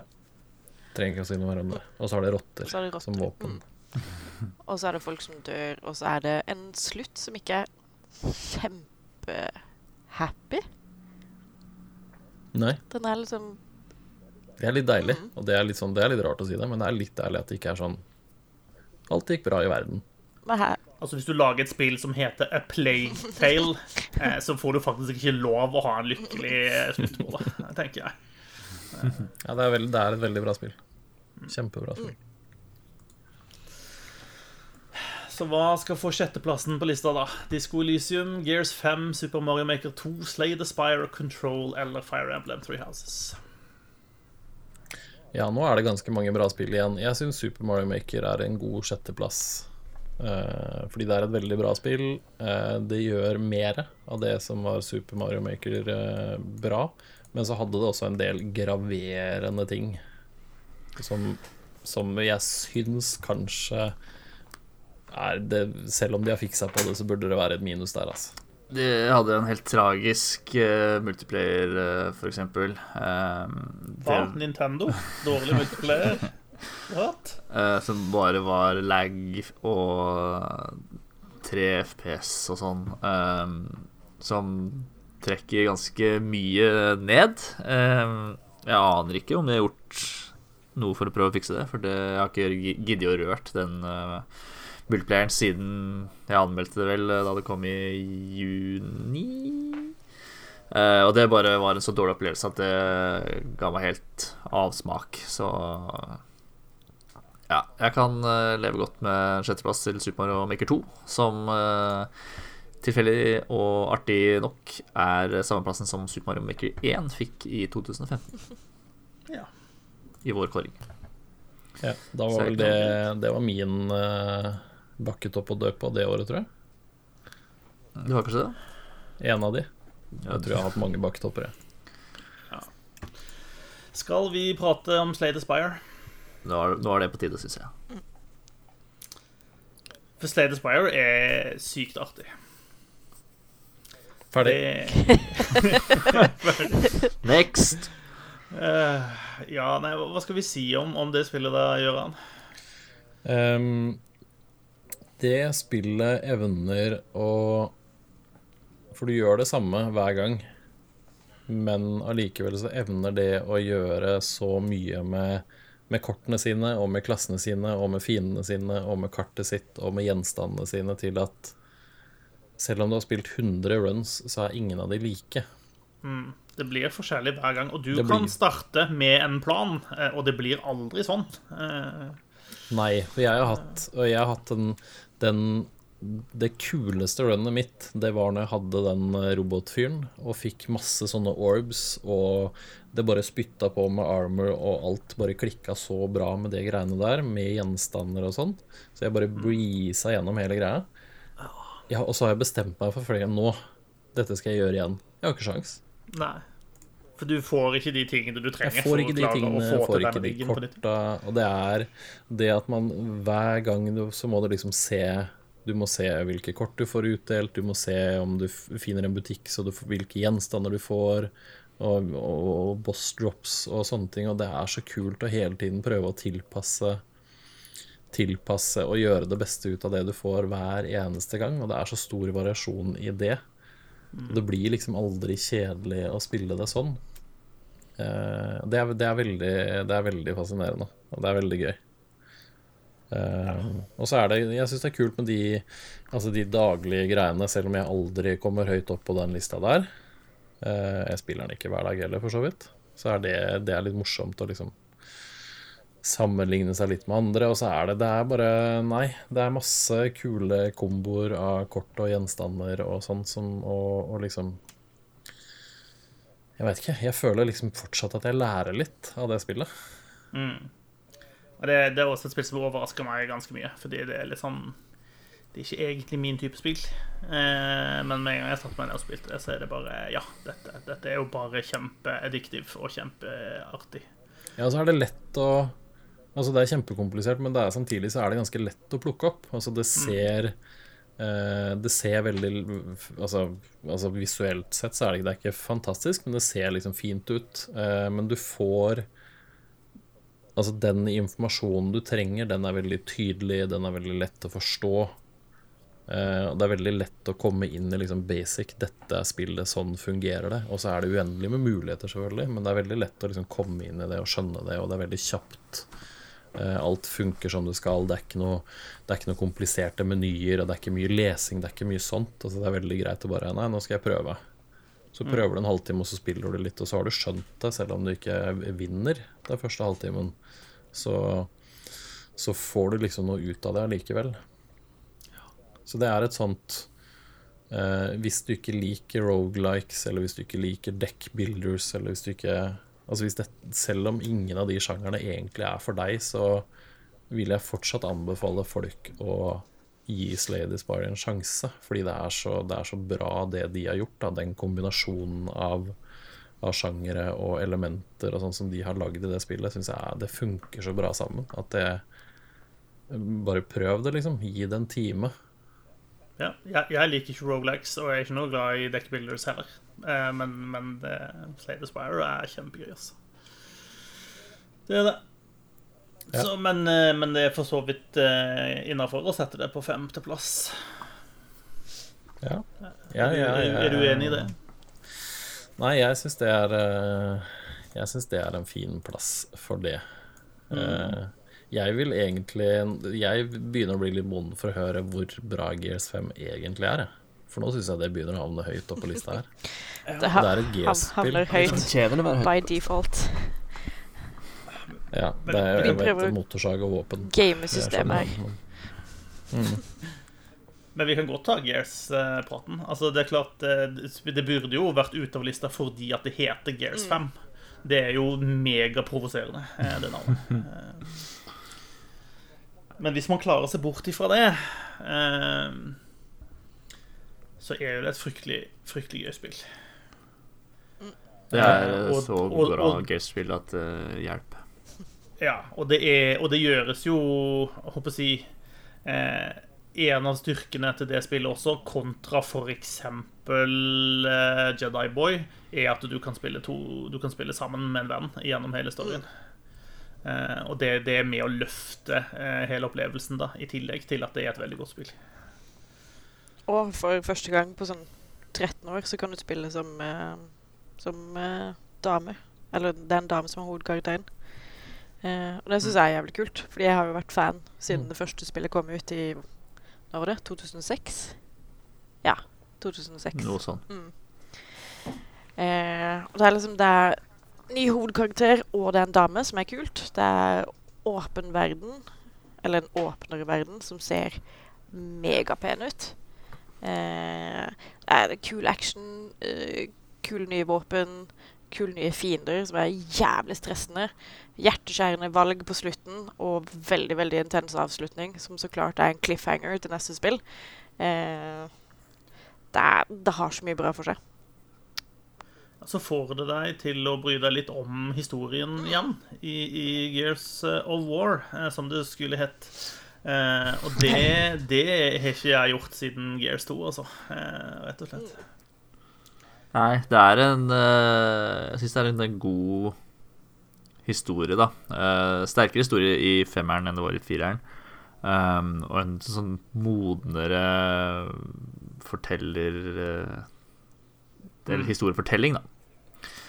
Eh, og de gjør noe sånt som vi Susanne var inne på, så de gjør noen sånne grep. da Sånn som forteller tekniske grep med at du får et valg, og du får liksom Eh, På et punkt der så styrer den ene spilleren eh, en locust som går bananas inn i en leir. og det er bare no noen av de grepa der da som løfter Gears 5 opp til liksom et annet Et nytt nivå, da, i hvert fall av det av eh, hva Gears of War-spill gjelder. Og femmeren gir deg også et så sykt mye bedre bilde av hvor ufattelig, ufattelig overpowered og farlig Hammer of Dawn er. Fordi Ja. Jesus Christ, når den bare går helt bananas, det er, det er dritskummelt. Ja, og det er litt fint at de problematiserer det. For det er litt sånn De, kritiserer jo mer eller mindre tidligere spill i samme serien som bare delte den ut og bare slår deg løs. eh, Fyr løs dette, dette, denne planet killeren, holdt jeg på å si, at will. Det går fint. Ja. Ja. Det er jo det det, er er jo det det er. bra Det er liksom Det er en planet killer. Og det, det gjør de en veldig bra jobb med i femmeren, da. Så. Ja. ja. Ja, de Så klarer de ordentlig å riste av seg det der macho-historiegreiene. Eh, som, som, som den serien er bygd opp på. Det det var jo det det var de første spillene. Eh, det var liksom veldig veldig macho menn eh, som så plutselig skulle vise litt grann følelser en gang innimellom. Eh, mellom at de skøyt tre milliarder fiender. Eh, som var på en måte OK, det, når det kom, men Ja, det, dette føles ut som en veldig riktig utvikling. det er et mye større spekter av følelser i dette her spillet, to- øh, helt klart. Og så har de også kanskje en av de beste karakterutviklingene, som er Fas. Eh, Mm. Som starter ut som den sinnssyke drittsekken som du bare har lyst til å slå inn trynet på. Og så ender han opp med å bli en skikkelig sympatisk fyr, som du er litt sånn Shit, nå skjer det et eller annet med Fas, vi må redde han. Uh, holy fuck, håper han greier Ja. seg, liksom. Uh, og det, det er godt jobba. Mm. Ja, de har klart Ja. å gi, som, gi en troverdig personlighet, da. Uh, kontra det derre steinansikt-greiene som vi har hatt før. eh, som, som jeg syns var kjempetøft da jeg var eh, 16 år og spilte Gears of War for første gang. Eh, ja.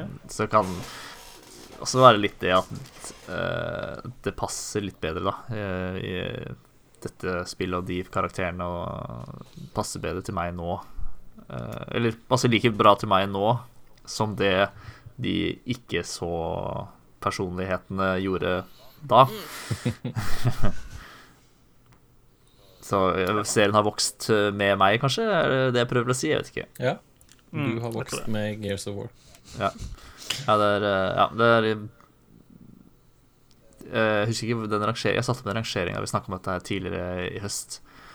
Eh, og det jeg tror jeg syns at dette er det nest beste Det tredje beste, om ikke det nest beste Gears of War-spillet. Ja, og jeg vil si at noen tidligere spill også på en måte bærer eh, eh, Anser vi som gode fordi at de gjorde en del nye ting. Mm. De utvikla sjangeren sin. Eh, De leverte en horde som bare var helt utrolig nydelig eh, når den kom og sånt. Eh, eh, Og de, de bærer en del av det, da. Eh, Hvis du, her, hvis du skal bare vurdere liksom den narrative fortellingen eh, som du spiller gjennom sammen med liksom actionscenen og sånt, så tror jeg Gears 5 er helt der oppe, altså. Ja, ja, absolutt. Er, selvfølgelig er det noen sånn uh, eh, forbehold, da. At uh, det kom på den tida det kom, og slike ting som man tar med i beregninga. Uh, når man liksom sier at Gears 1, som var, jo- var jo veldig revolusjonerende med denne covershootinga og sånn eh, Når man uh, sier at det er kanskje men om det er det beste spillet, det vet jeg ikke. Men altså litt urettferdig å s Ja. sette et spill fra Ja, to spill med 15 års mellomrom opp mot hverandre, da. Sånn direkte. Men uh, dette er et kjempebra, riktig steg for Gears of War-serien. Men uh, hvilken plass fortjener det?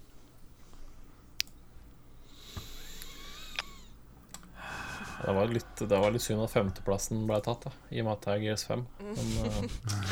Men jeg er fornøyd med en, en fjerdeplass for Gears 5, egentlig. Ja, spørsmålet er jo Er det Er det bedre enn Fire Emblem?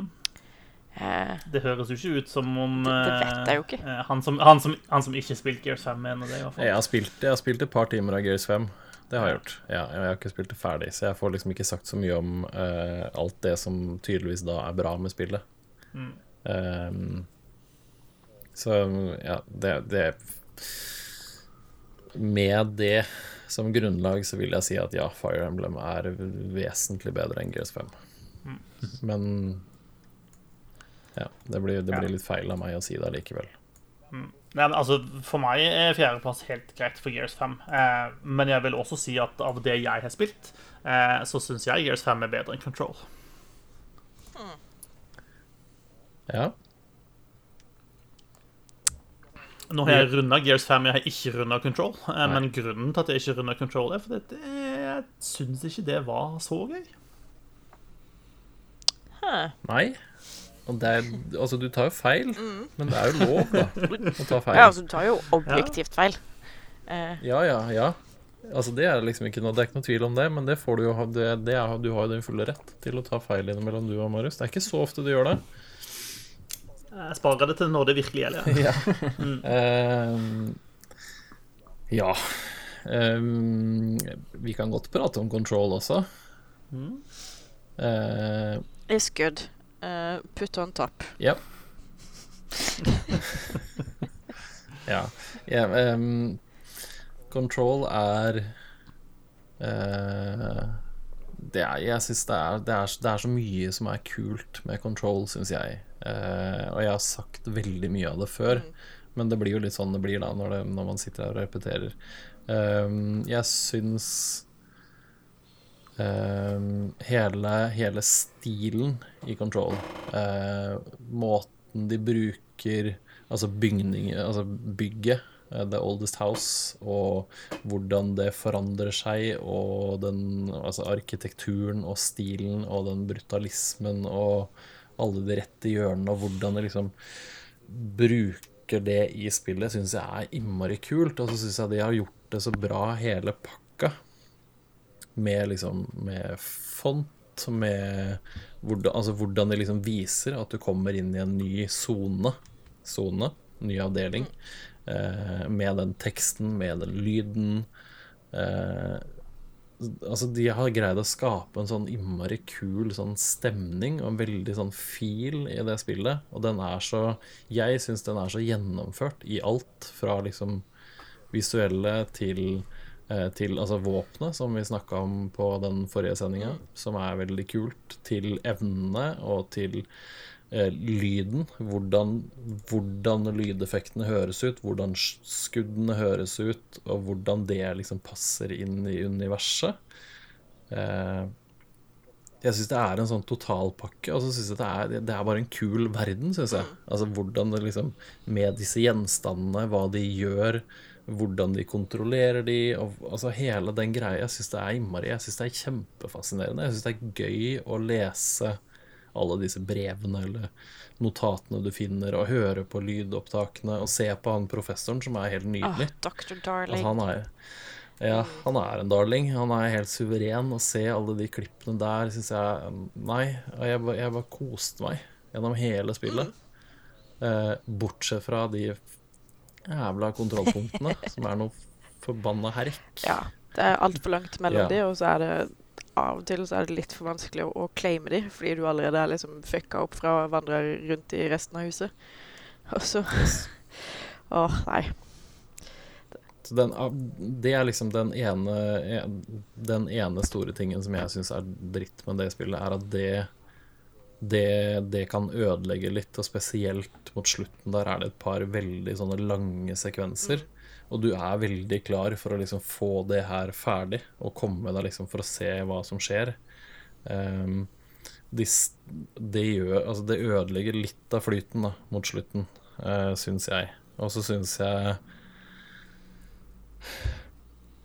Det er et eller annet med konklusjonen der som ikke er 100% Ja. Det er et eller annet med payoffen med liksom hele den oppbygginga, og det kan godt hende det er fordi jeg kløna litt og døde og måtte gjøre ting på nytt, men hele den sekvensen var liksom Altså, det bygger jo opp mot en eller annen bossfight, og så bare eh, det, det fiser liksom ut i ingenting, Jeg, følte jeg. jeg syns òg slutten er litt sånn lite tilfredsstillende, og man blir sittende igjen med veldig mange spørsmål, egentlig. Men etter Ja. at Remedy har sluppet roadmappet sitt, så er jeg litt mer sånn Dette er ting Ja. du kommer til å få svar på, på en måte. Ja, altså det, det slutter jo litt sånn åpent, så det var litt sånn eh, det, det var litt sånn rart, men jeg, altså, he, veien dit og hele pakka med control, jeg syns det er helt Jeg synes det er helt nydelig. Ja, det er liksom Eh, alle disse found objectsene, hvordan de knytter det til den virkelige verden. Hvordan de knytter Control og Alan Wake sammen, eksempel. Det er så mye Ja. Det er så mye kule detaljer. Eh, Så det, det fortjener definitivt en veldig, veldig høy plass. Eh, Det har de jo allerede sikra ja. seg. Og jeg Eh, Men ja Uansett hvor mye jeg liker Gears, liksom, så syns jeg Control er bedre. det, jeg kan respektere det. Eh, Ja, jeg, Jeg, jeg, jeg, jeg har eh, jo ikke spilt Control så mye som det dere har gjort. Eh, så så jeg, jeg føler meg ikke på en måte justified til å sitte og mene veldig sterkt om det spillet er bra eller dårlig. Eh, men jeg har spilt det nok til at jeg ikke har kjempelyst til å spille det mer. Eh, og jeg får litt sånn Alan eh, Wake-vibbe eh, av spille, i den grad at eh, de har skapt en verden som er veldig gjennomført, eh, og eh, som er veldig flink til å liksom peak your interest, da. Eh, og noe du har lyst til å utforske mer og finne mer ut av. Eh, og så har de lagd seg noen combat-mekanikker som er helt greie, er min påstand. Eh, jeg syns ikke combaten var kjempekul. Eh, jeg syns dette var helt greit, men ikke så mye mer enn det. Inntil det punktet jeg har spilt, da. Og så er det noen ting med spillet som jeg ikke liker. Det kan godt være at det går på preferanse, men jeg syns det er litt sånn Altså jeg, liker ikke egentlig så godt at det, når det skjer åpenbart ekstraordinære ting, eh, så eh, reagerer ikke omverdenen på det. Eh, alle andre i universet syns at dette er helt normalt og greit. Eh, det er litt sånn når your hair is on fire, så er det fint om noen påpeker det, på en måte. Eh, og jeg skjønner at det er en del av universet de holder på å skape, men det gir meg ubehag. Eh, eh, og så syns jeg at Xbox-versjonen av dette spillet eh, så litt stygg ut. Ja, det kan Ja. godt hende. Det Ho hovedpersonen ser liksom decent ut, men de andre karakterene ser ut som noen sånn billige ragdolls fra Europris. Eh, det, ja. Men, det, men det, det er nå for så vidt sånn. Det kan godt være at spillet ser helt nylig ut på PC. Det, Jeg tror eh, Hvis ikke jeg husker det feil, så tror jeg kanskje Xbox-versjonen er den dårligste. Sånn, jeg tror kanskje jeg har lest det et sted, at den, den var den som hadde størst problemer. Jeg, er helt enig i at figurdesignet utover hovedfiguren er ikke Det er ikke top notch. Vi er ikke, vi er ikke på God of War-nivå her, liksom, på noen av de. Eh, og Men Ja.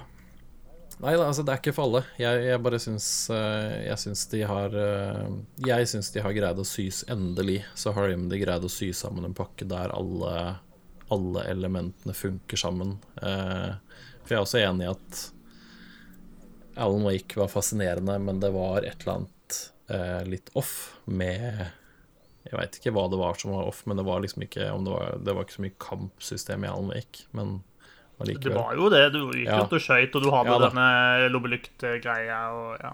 Så det var liksom ikke å Men her, jeg syns de har greid å få det til her. Og synes, jeg syns kampsystemet er kult, fordi du får du, Det blir en veldig sånn der power trip ut av det etter hvert, fordi du blir så Altså, du blir så sterk, da. Du har så mange kort å spille på, og du har så mye krefter, så eh, Så det blir veldig sånn Jeg veit ikke.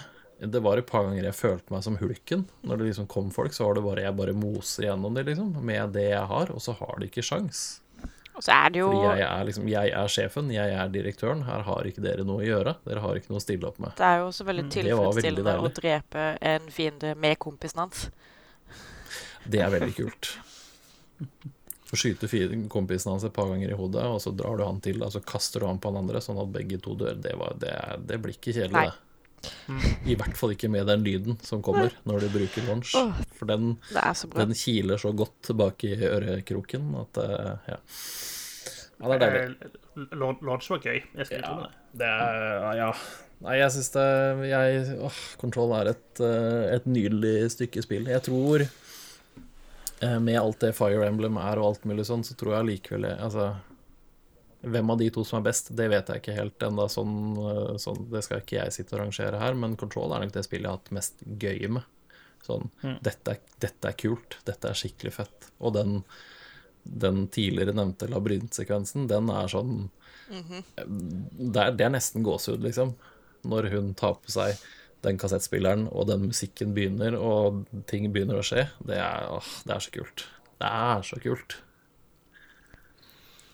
Og den er jo såpass Ja. kul at det, det gjør ikke noe at det er litt langt til neste control point, fordi da kan du ta hele labyrinten om igjen hvis du er så uheldig å dø. Yes.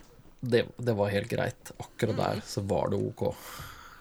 Og det var like kult gang nummer to. Hva sier du, Håvard? Er du eh, tilfreds med Gears 5 på fjerdeplass på lista vår? Ja, i grunn så er jeg det. Jeg vet at dere Jeg har ikke spilt noen av de tre gjenværende spillene etter det, men jeg vet at dere holder de eh, veldig høyt. Det er jo et spill er her som ikke er nevnt. å. Jeg syns det er vanskelig å sette Fire Emblem opp mot uh, Gears, da. Uh, så det Ja. For meg så er Fire Emblem et bedre spill, men det er veldig vanskelig for meg å si. Så det Vi har fortsatt ikke prata om Disco Elysium heller, så Hvor mange er det som har spilt det? det? det er to. To. Ja, det er vel meg og Gøran. Ja, skal vi ta den praten? Da må jeg sparke av meg tøflene. Eh. Jeg vet at dette er din bakketopp å dø på, så det Ja eh, Jeg vet ikke hvor jeg skal begynne engang, jeg. Eh, Disko Elysium er definitivt mitt personlige Game of the Year, ja. Det er det ikke noen tvil om. Um, altså Det starter jo liksom med da at det serverer deg noen sånn kjente sjangernormer. Eh, eh, lar deg på en måte bygge deg din egen forventning om hva dette spillet skal være. Eh, og så tar de de forventningene og bare kaster det rett i søppelkurven. Eh, og bare eh, Det tar på en måte eh, det, det du trodde eh, du ønska fra dette spillet det viser deg så tydelig at det var ikke det du ønska deg av dette spillet i det hele tatt. Eh, du ønska deg noe helt annet, eh, og det er det du får. Eh, jeg vil nesten gå så langt som å si at, at dette spillet på mange måter revolusjonerer rollespillsjangeren. En sjanger som i skal vi si 20 år eh, stort sett har vært prega av å drepe ting med store sverd, eh, så går den i komplett motsatt retning. Eh, og der er ingen kamp whatsoever i helhetsspillet. Eh, du kan vel sparke noen en gang, tror jeg. Eh, men det er dialogbasert, eh, og du på en måte så på den måten så er det kamp. Altså det er intellektuell tvekamp, på et vis. Eh, som ja, foregår flere og, Og en indre sånn kamp. Ikke minst. Og det er jo kanskje det morsomste. Eh, fordi den karakteren du spiller, eh, har en så fantastisk eh, indre Ja, hva skal vi kalle det? Eh, dialog ikke riktig heller, fordi det er mer enn to eh, elementer av deg som har noe de skulle ha sagt. Eh, så hver gang du får erfaringspoeng og går opp i level, så kan du dytte poeng inn i ulike aspekter av deg sjøl. Eh, og de aspektene de har meninger om det som skjer rundt deg, eh, og ikke redd for å fortelle deg det. Og alle karakterene du møter, setter liksom igjen et spor på meg, i hvert fall. Eh, og veldig lite i det spillet er det det først så ut som. Eh, og spillet er også veldig flink til å lede deg av gårde eh, til å la deg gjerne få lov til å ta feil, og la deg gjerne få lov til å tro at du trodde hva, det, hva som skulle skje, eller hva som var greia her. Eh, men så istedenfor å bare fortelle deg at nei, det, det, var sånn det egentlig var, så lar det deg på en måte komme til den konklusjonen sjøl. Eh, og det er ofte en litt emosjonell konklusjon, da. Eh, for meg et veldig følelsesladd spill. Og et spill som på en litt spesiell måte oppfordrer til utforsking. For de belønningene du får ved utforsking, er stort sett ikke at du får en ny greie, en ny pistol eller en ny eh, eh rosa kappe, eh, som i Jedi Boy eller noe sånt. Eh, men du får nye historier, eh, nye skjebner. Eh, og så er så mye av dialogen også så, så utrolig bra skrevet. om du, bruker, du kan bruke så masse tid på å krangle med liksom en liten drittunge som sitter utafor stedet der du er. Eh, eller til å prate med, med ei dame som jobber med å lage terninger. Eh, eller ei annen Eller dattera til ei som driver en bokhandel. Eh, og så veldig mye av de diskusjonene handler ikke bare om å servere deg historien om hva som skjedde med den karakteren, men nesten all dialogen reflekteres tilbake på din karakter og forteller noe om hvem din karakter er, eller hva, eller ønsker å være. Eh, og du får eh, ganske mye agency til å bestemme da, hva slags karakter er det egentlig jeg ønsker å være. Og så stiller den ganske mange filosofiske spørsmål eh, på toppen av det igjen, da. Eh, og så er det et eh, melankolsk spill. Eh, det er ikke redd for å tug at your heartstrings. Eh, og det er et, definitivt et spill å spille flere ganger. Eh, for det er sånne ting som eh, Det er blant annet på, et tidspunkt helt på slutten Eh, mot slutten av spillet så er det Du får sånne Du har en slags sånn Quest journal på et vis, som man er vant med i rollespill. Eh, som er liksom dette alle tingene du, du bør gjøre. Og så har du også en gjeng med sånn secret quest som, ikke, som ikke, står der, men som også er sånne ting du, du kan gjøre. da. Eh, og en av de questene som, du, som står der, er liksom at ja, eh, eh, du, er, du er litt sliten, så du kan gå og legge deg og ta deg en blund eh, når du er her oppe, liksom. Det trenger du ikke gjøre i det hele tatt. Eh, og jeg hadde egentlig ikke tenkt å gjøre det. Men så var det sånn Ja, OK, nå er jeg sikkert helt på slutten. Jeg kan jo gjøre det bare for å fullføre den questen. da. Eh, og det plutselig, bare den tingen der, åpna liksom opp en, eh, en scene som bare var Ja så avgjørende, i hvert fall for hvordan jeg hadde bygd opp at den hovedkarakteren skulle være. Eh, og du fikk liksom en så eh, sterk opplevelse ifra hans fortid kanskje. Eh, ja. Jeg er litt vanskelig for å sette ord eh, på alt med Disko Elysium. Jeg, jeg, tror at det er et spill som jeg kommer til å gå og tenke på i flere år eh, fremover. Ehm, og den karakteren du spiller, og eh, er så utrolig bra designa. Altså, den karakteren er veldig mye av dette spillet.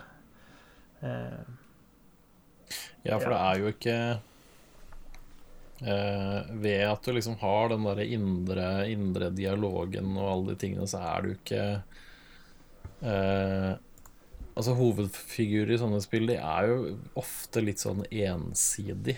Og litt sånn 'Dette er den typen du er. Ferdig med det'. Og det er det jo ikke i Disco Elysium i det hele tatt. Mm. Det, er liksom en, det er jo en ordentlig, ordentlig reise. Mm. Det er um, Nei, ja, ja. Det er et uh, særdeles bra spill. Ja, og så klarer det, syns jeg, da, i hvert fall utrolig godt den balansegangen med å ha inn en god del humor, samtidig som den, he, den eh, kan ta vanskelige spørsmål på all, fullt alvor, da. Mm. Eh, og den klarer å balansere det på en god måte.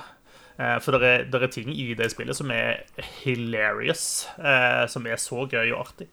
Eh, og som er, altså, Det er noen elementer som er sånn som tatt rett ut av Monty Python-sketsj, liksom.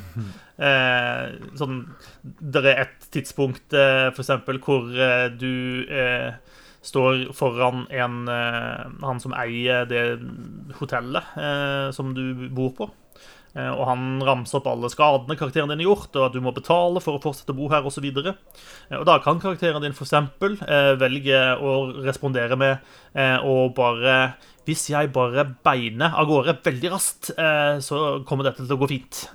Hvorpå han da bare liksom holder på hatten og løper alt han kan til andre siden av rommet. Og står der borte veldig fornøyd med seg sjøl i liksom ti sekunder, før han etter litt indre dialog kan finne ut at ja, men jeg må jo fortsatt ha noe med denne personen å gjøre videre uansett. For det er jo her jeg bor.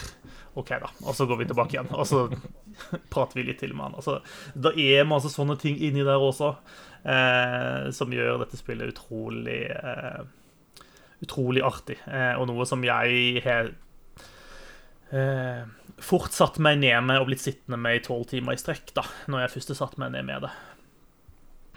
For det er, en, det er, en, lang reise. Skal du spille gjennom hele spillet, så tar det, tar det en del timer. Eh, men det er så verdt det. For jeg tror ikke jeg har sett så bra writing eh, i et spill siden, siden, Planescape Torment, arguably. Ja. Nei, det er jo ofte det spillet det blir satt opp imot òg. At det er liksom på det nivået bra. Mm. Mm. Jeg har ikke lyst til å tenke på en sånn å rangere de to spillene mot hverandre, liksom. Eh, fordi det kommer til å gripe dypt inn i sjela mi. Eh, og jeg må stille vanskelige spørsmål ved min egen identitet eh, i den prosessen. Eh, så det skal jeg ikke gjøre nå. Eh, men eh, Disko Elysium kommer jeg til å prate om når vi skal diskutere Game of the Decade om kort tid også. Mm. Oh, shit, nå kommer vi ikke utenom det heller, nå. Å, herregud. Men nå, nå, har jeg låst inn det også. Å, herregud. Å, nei, jeg, jeg tror kanskje jeg får halsbetennelse de neste ukene.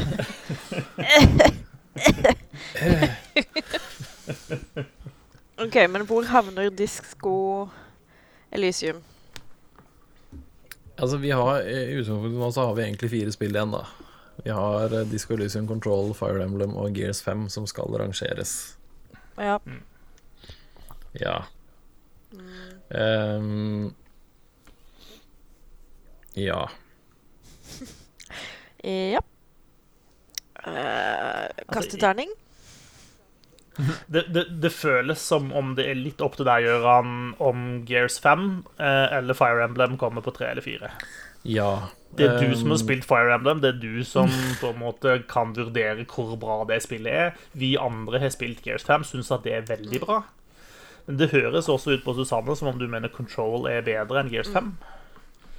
Ja, ja øh, og litt Ja, jeg, jeg veit ikke. Jeg syns det er vanskelig, jeg, da. Men øh, jeg, jeg, sitter med en følelse av at kanskje Fire Emblem burde være over, og det er også øh, Men det er, samtidig, det er flere her som har veldig gode, gode grunner til at de liker GSM, så jeg syns det er litt vanskelig å liksom skulle trumfe gjennom sånn, men så er det litt eh, Ja, Susanne syns Control er bedre enn Gears. Du syns Disco er bedre enn Gears. Så mm. kanskje fjerdeplass er greit? Jeg vet ikke. Jeg tenker det. Jeg kan leve med det. Det høres uh, rettferdig ut. Ja. Du, trenger ikke å være politisk korrekt uh, nå, Håvard. Altså, hvis du mener noe annet, så er det lov, det. Uh, nei, jeg har fått Super Mario Maker uh, opp på lista her, jeg, så jeg er egentlig alltid tilfreds med resultatet uansett. Jeg. Ja, nei, men da, ja, jeg, det er helt greit at Gears da er på fjerde. Jeg syns det høres Jeg synes det høres høyt ut for et Gears-spill, så det, jeg, jeg kjenner at jeg jeg må jo spille det mer, hvis det er så bra. Mm. Ja, det burde Jeg tenkte det er bra, men ikke, ikke, ikke fjerdeplass bra, liksom. Så. så. må vi bare dytte controller på førsteplass, og så tror jeg vi har en uh, fin liste. I disagree. ja, vi er enige om at det er Control eller Disco Elysium som uh, Det er første- og andreplassen. Jeg tror det, ja. Uh, det høres sånn ut. Så Three Houses på tredjeplass. Ja. ja, det var deilig. Det var deilig. Mm. Det, det passa bra. Det var, nå gjorde det godt i OCD-en, selv om uh, fordelen er uh, ja. Da tar vi Supermann Maker 2 på andreplass, da. uh, ja. Okay. Og her, her, blir det vanskelig, da. Uh, for jeg har jo spilt og fullført begge disse spillene, og alle de tre spillene. Og dette er de tre spillene jeg hele tiden veksler mellom 1, 2 og 3 på. på min liste, liksom, så er det, det, er det de tre spillene. De er de tre beste spillene, alt etter hvor, hva jeg, hvilket humør jeg er i den dagen. For Control er det kuleste spillet mm. i år. Det er det, det er det, feteste spillet, det er den kuleste Altså alt mulig sånn. Eh, Fire Emblem er det spillet som kanskje overraska meg mest, og som sitter mest sånn. Og så er Disco Elysium er noe helt spesielt. Fordi det var Det er så annerledes, og det er så ja, det er, så, det er så innmari utypisk. Og så er det debutspillet og det Ja. Hva, hva sier dagsformen i dag, holdt jeg på å si?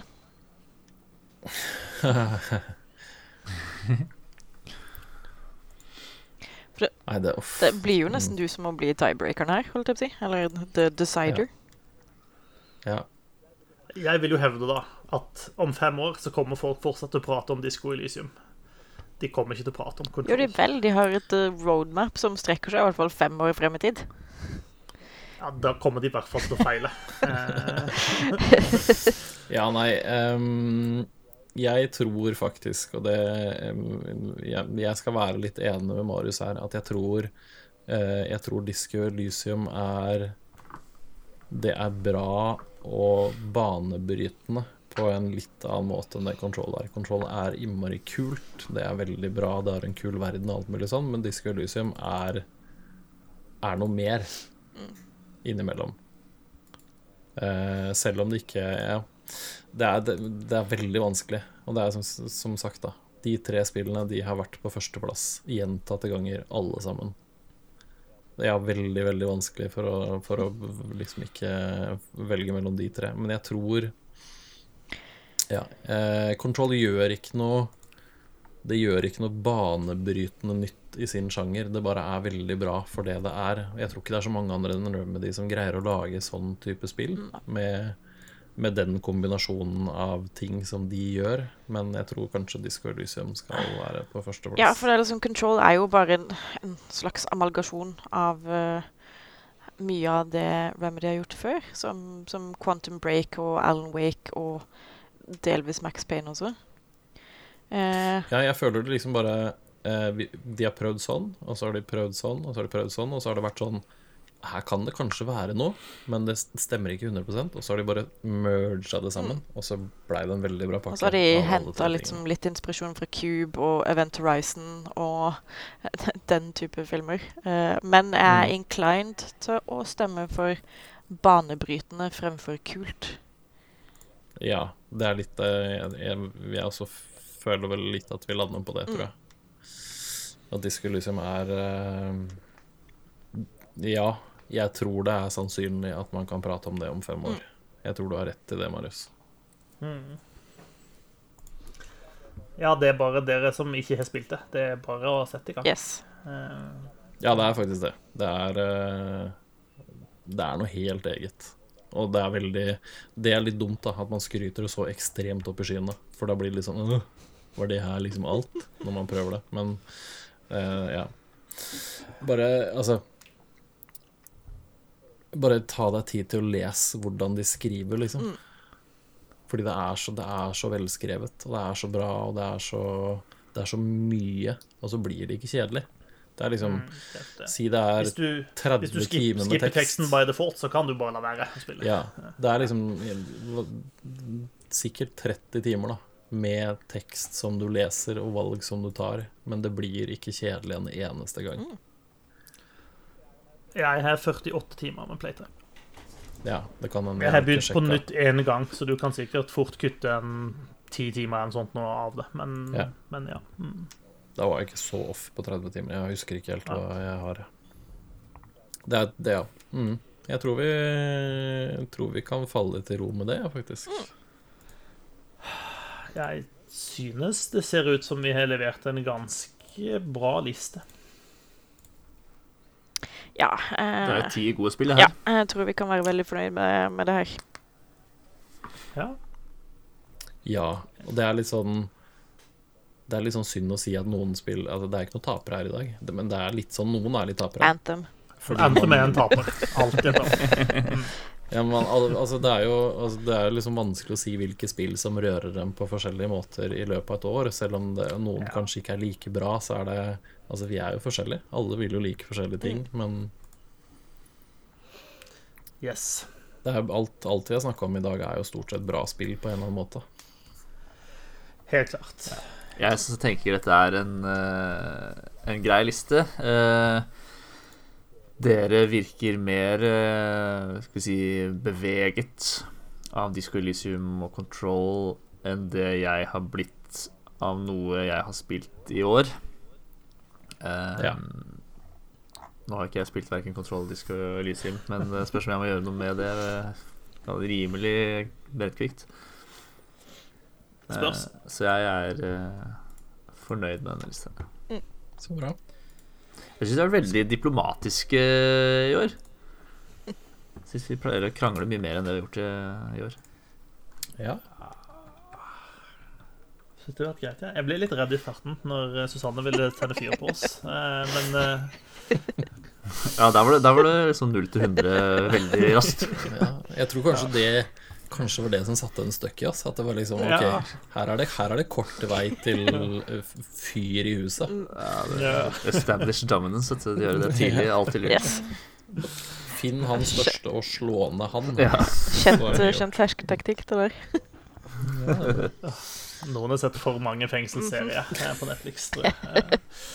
Eh, Double Jumps topp 10-liste eh, ifra tiendeplass. Eh, Sekiro Shadows Die Twice. Niende eh, The Legend of Zelda Link's Awakening. Åttendeplass A Plague Tale Innocence. Syvendeplass The Outer Worlds. Sjetteplass Super Mario Maker 2. Femte er Slay the Spire. På fjerdeplass er Gears 5.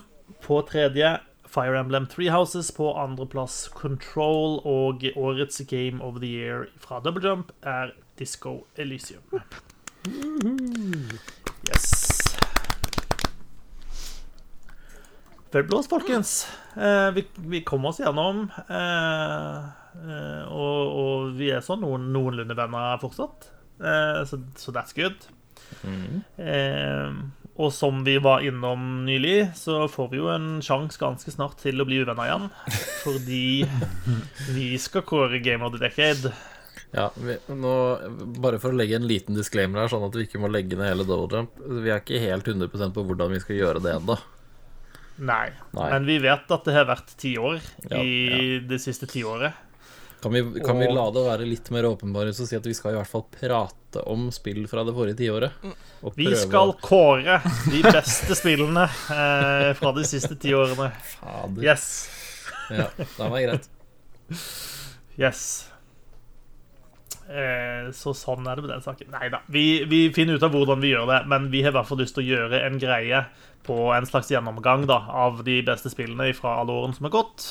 Eh, og kanskje klarer vi å komme frem til en enighet eh, også om hva vi liker best. Eh, men eh, jeg tenker at det, her, her også er det viktig at vi eh, kan eh, hulle de gode spillene. Fordi det har vært noen gode spill som har kommet ut de siste ti årene. Hva sa du, Red Dead Redemption?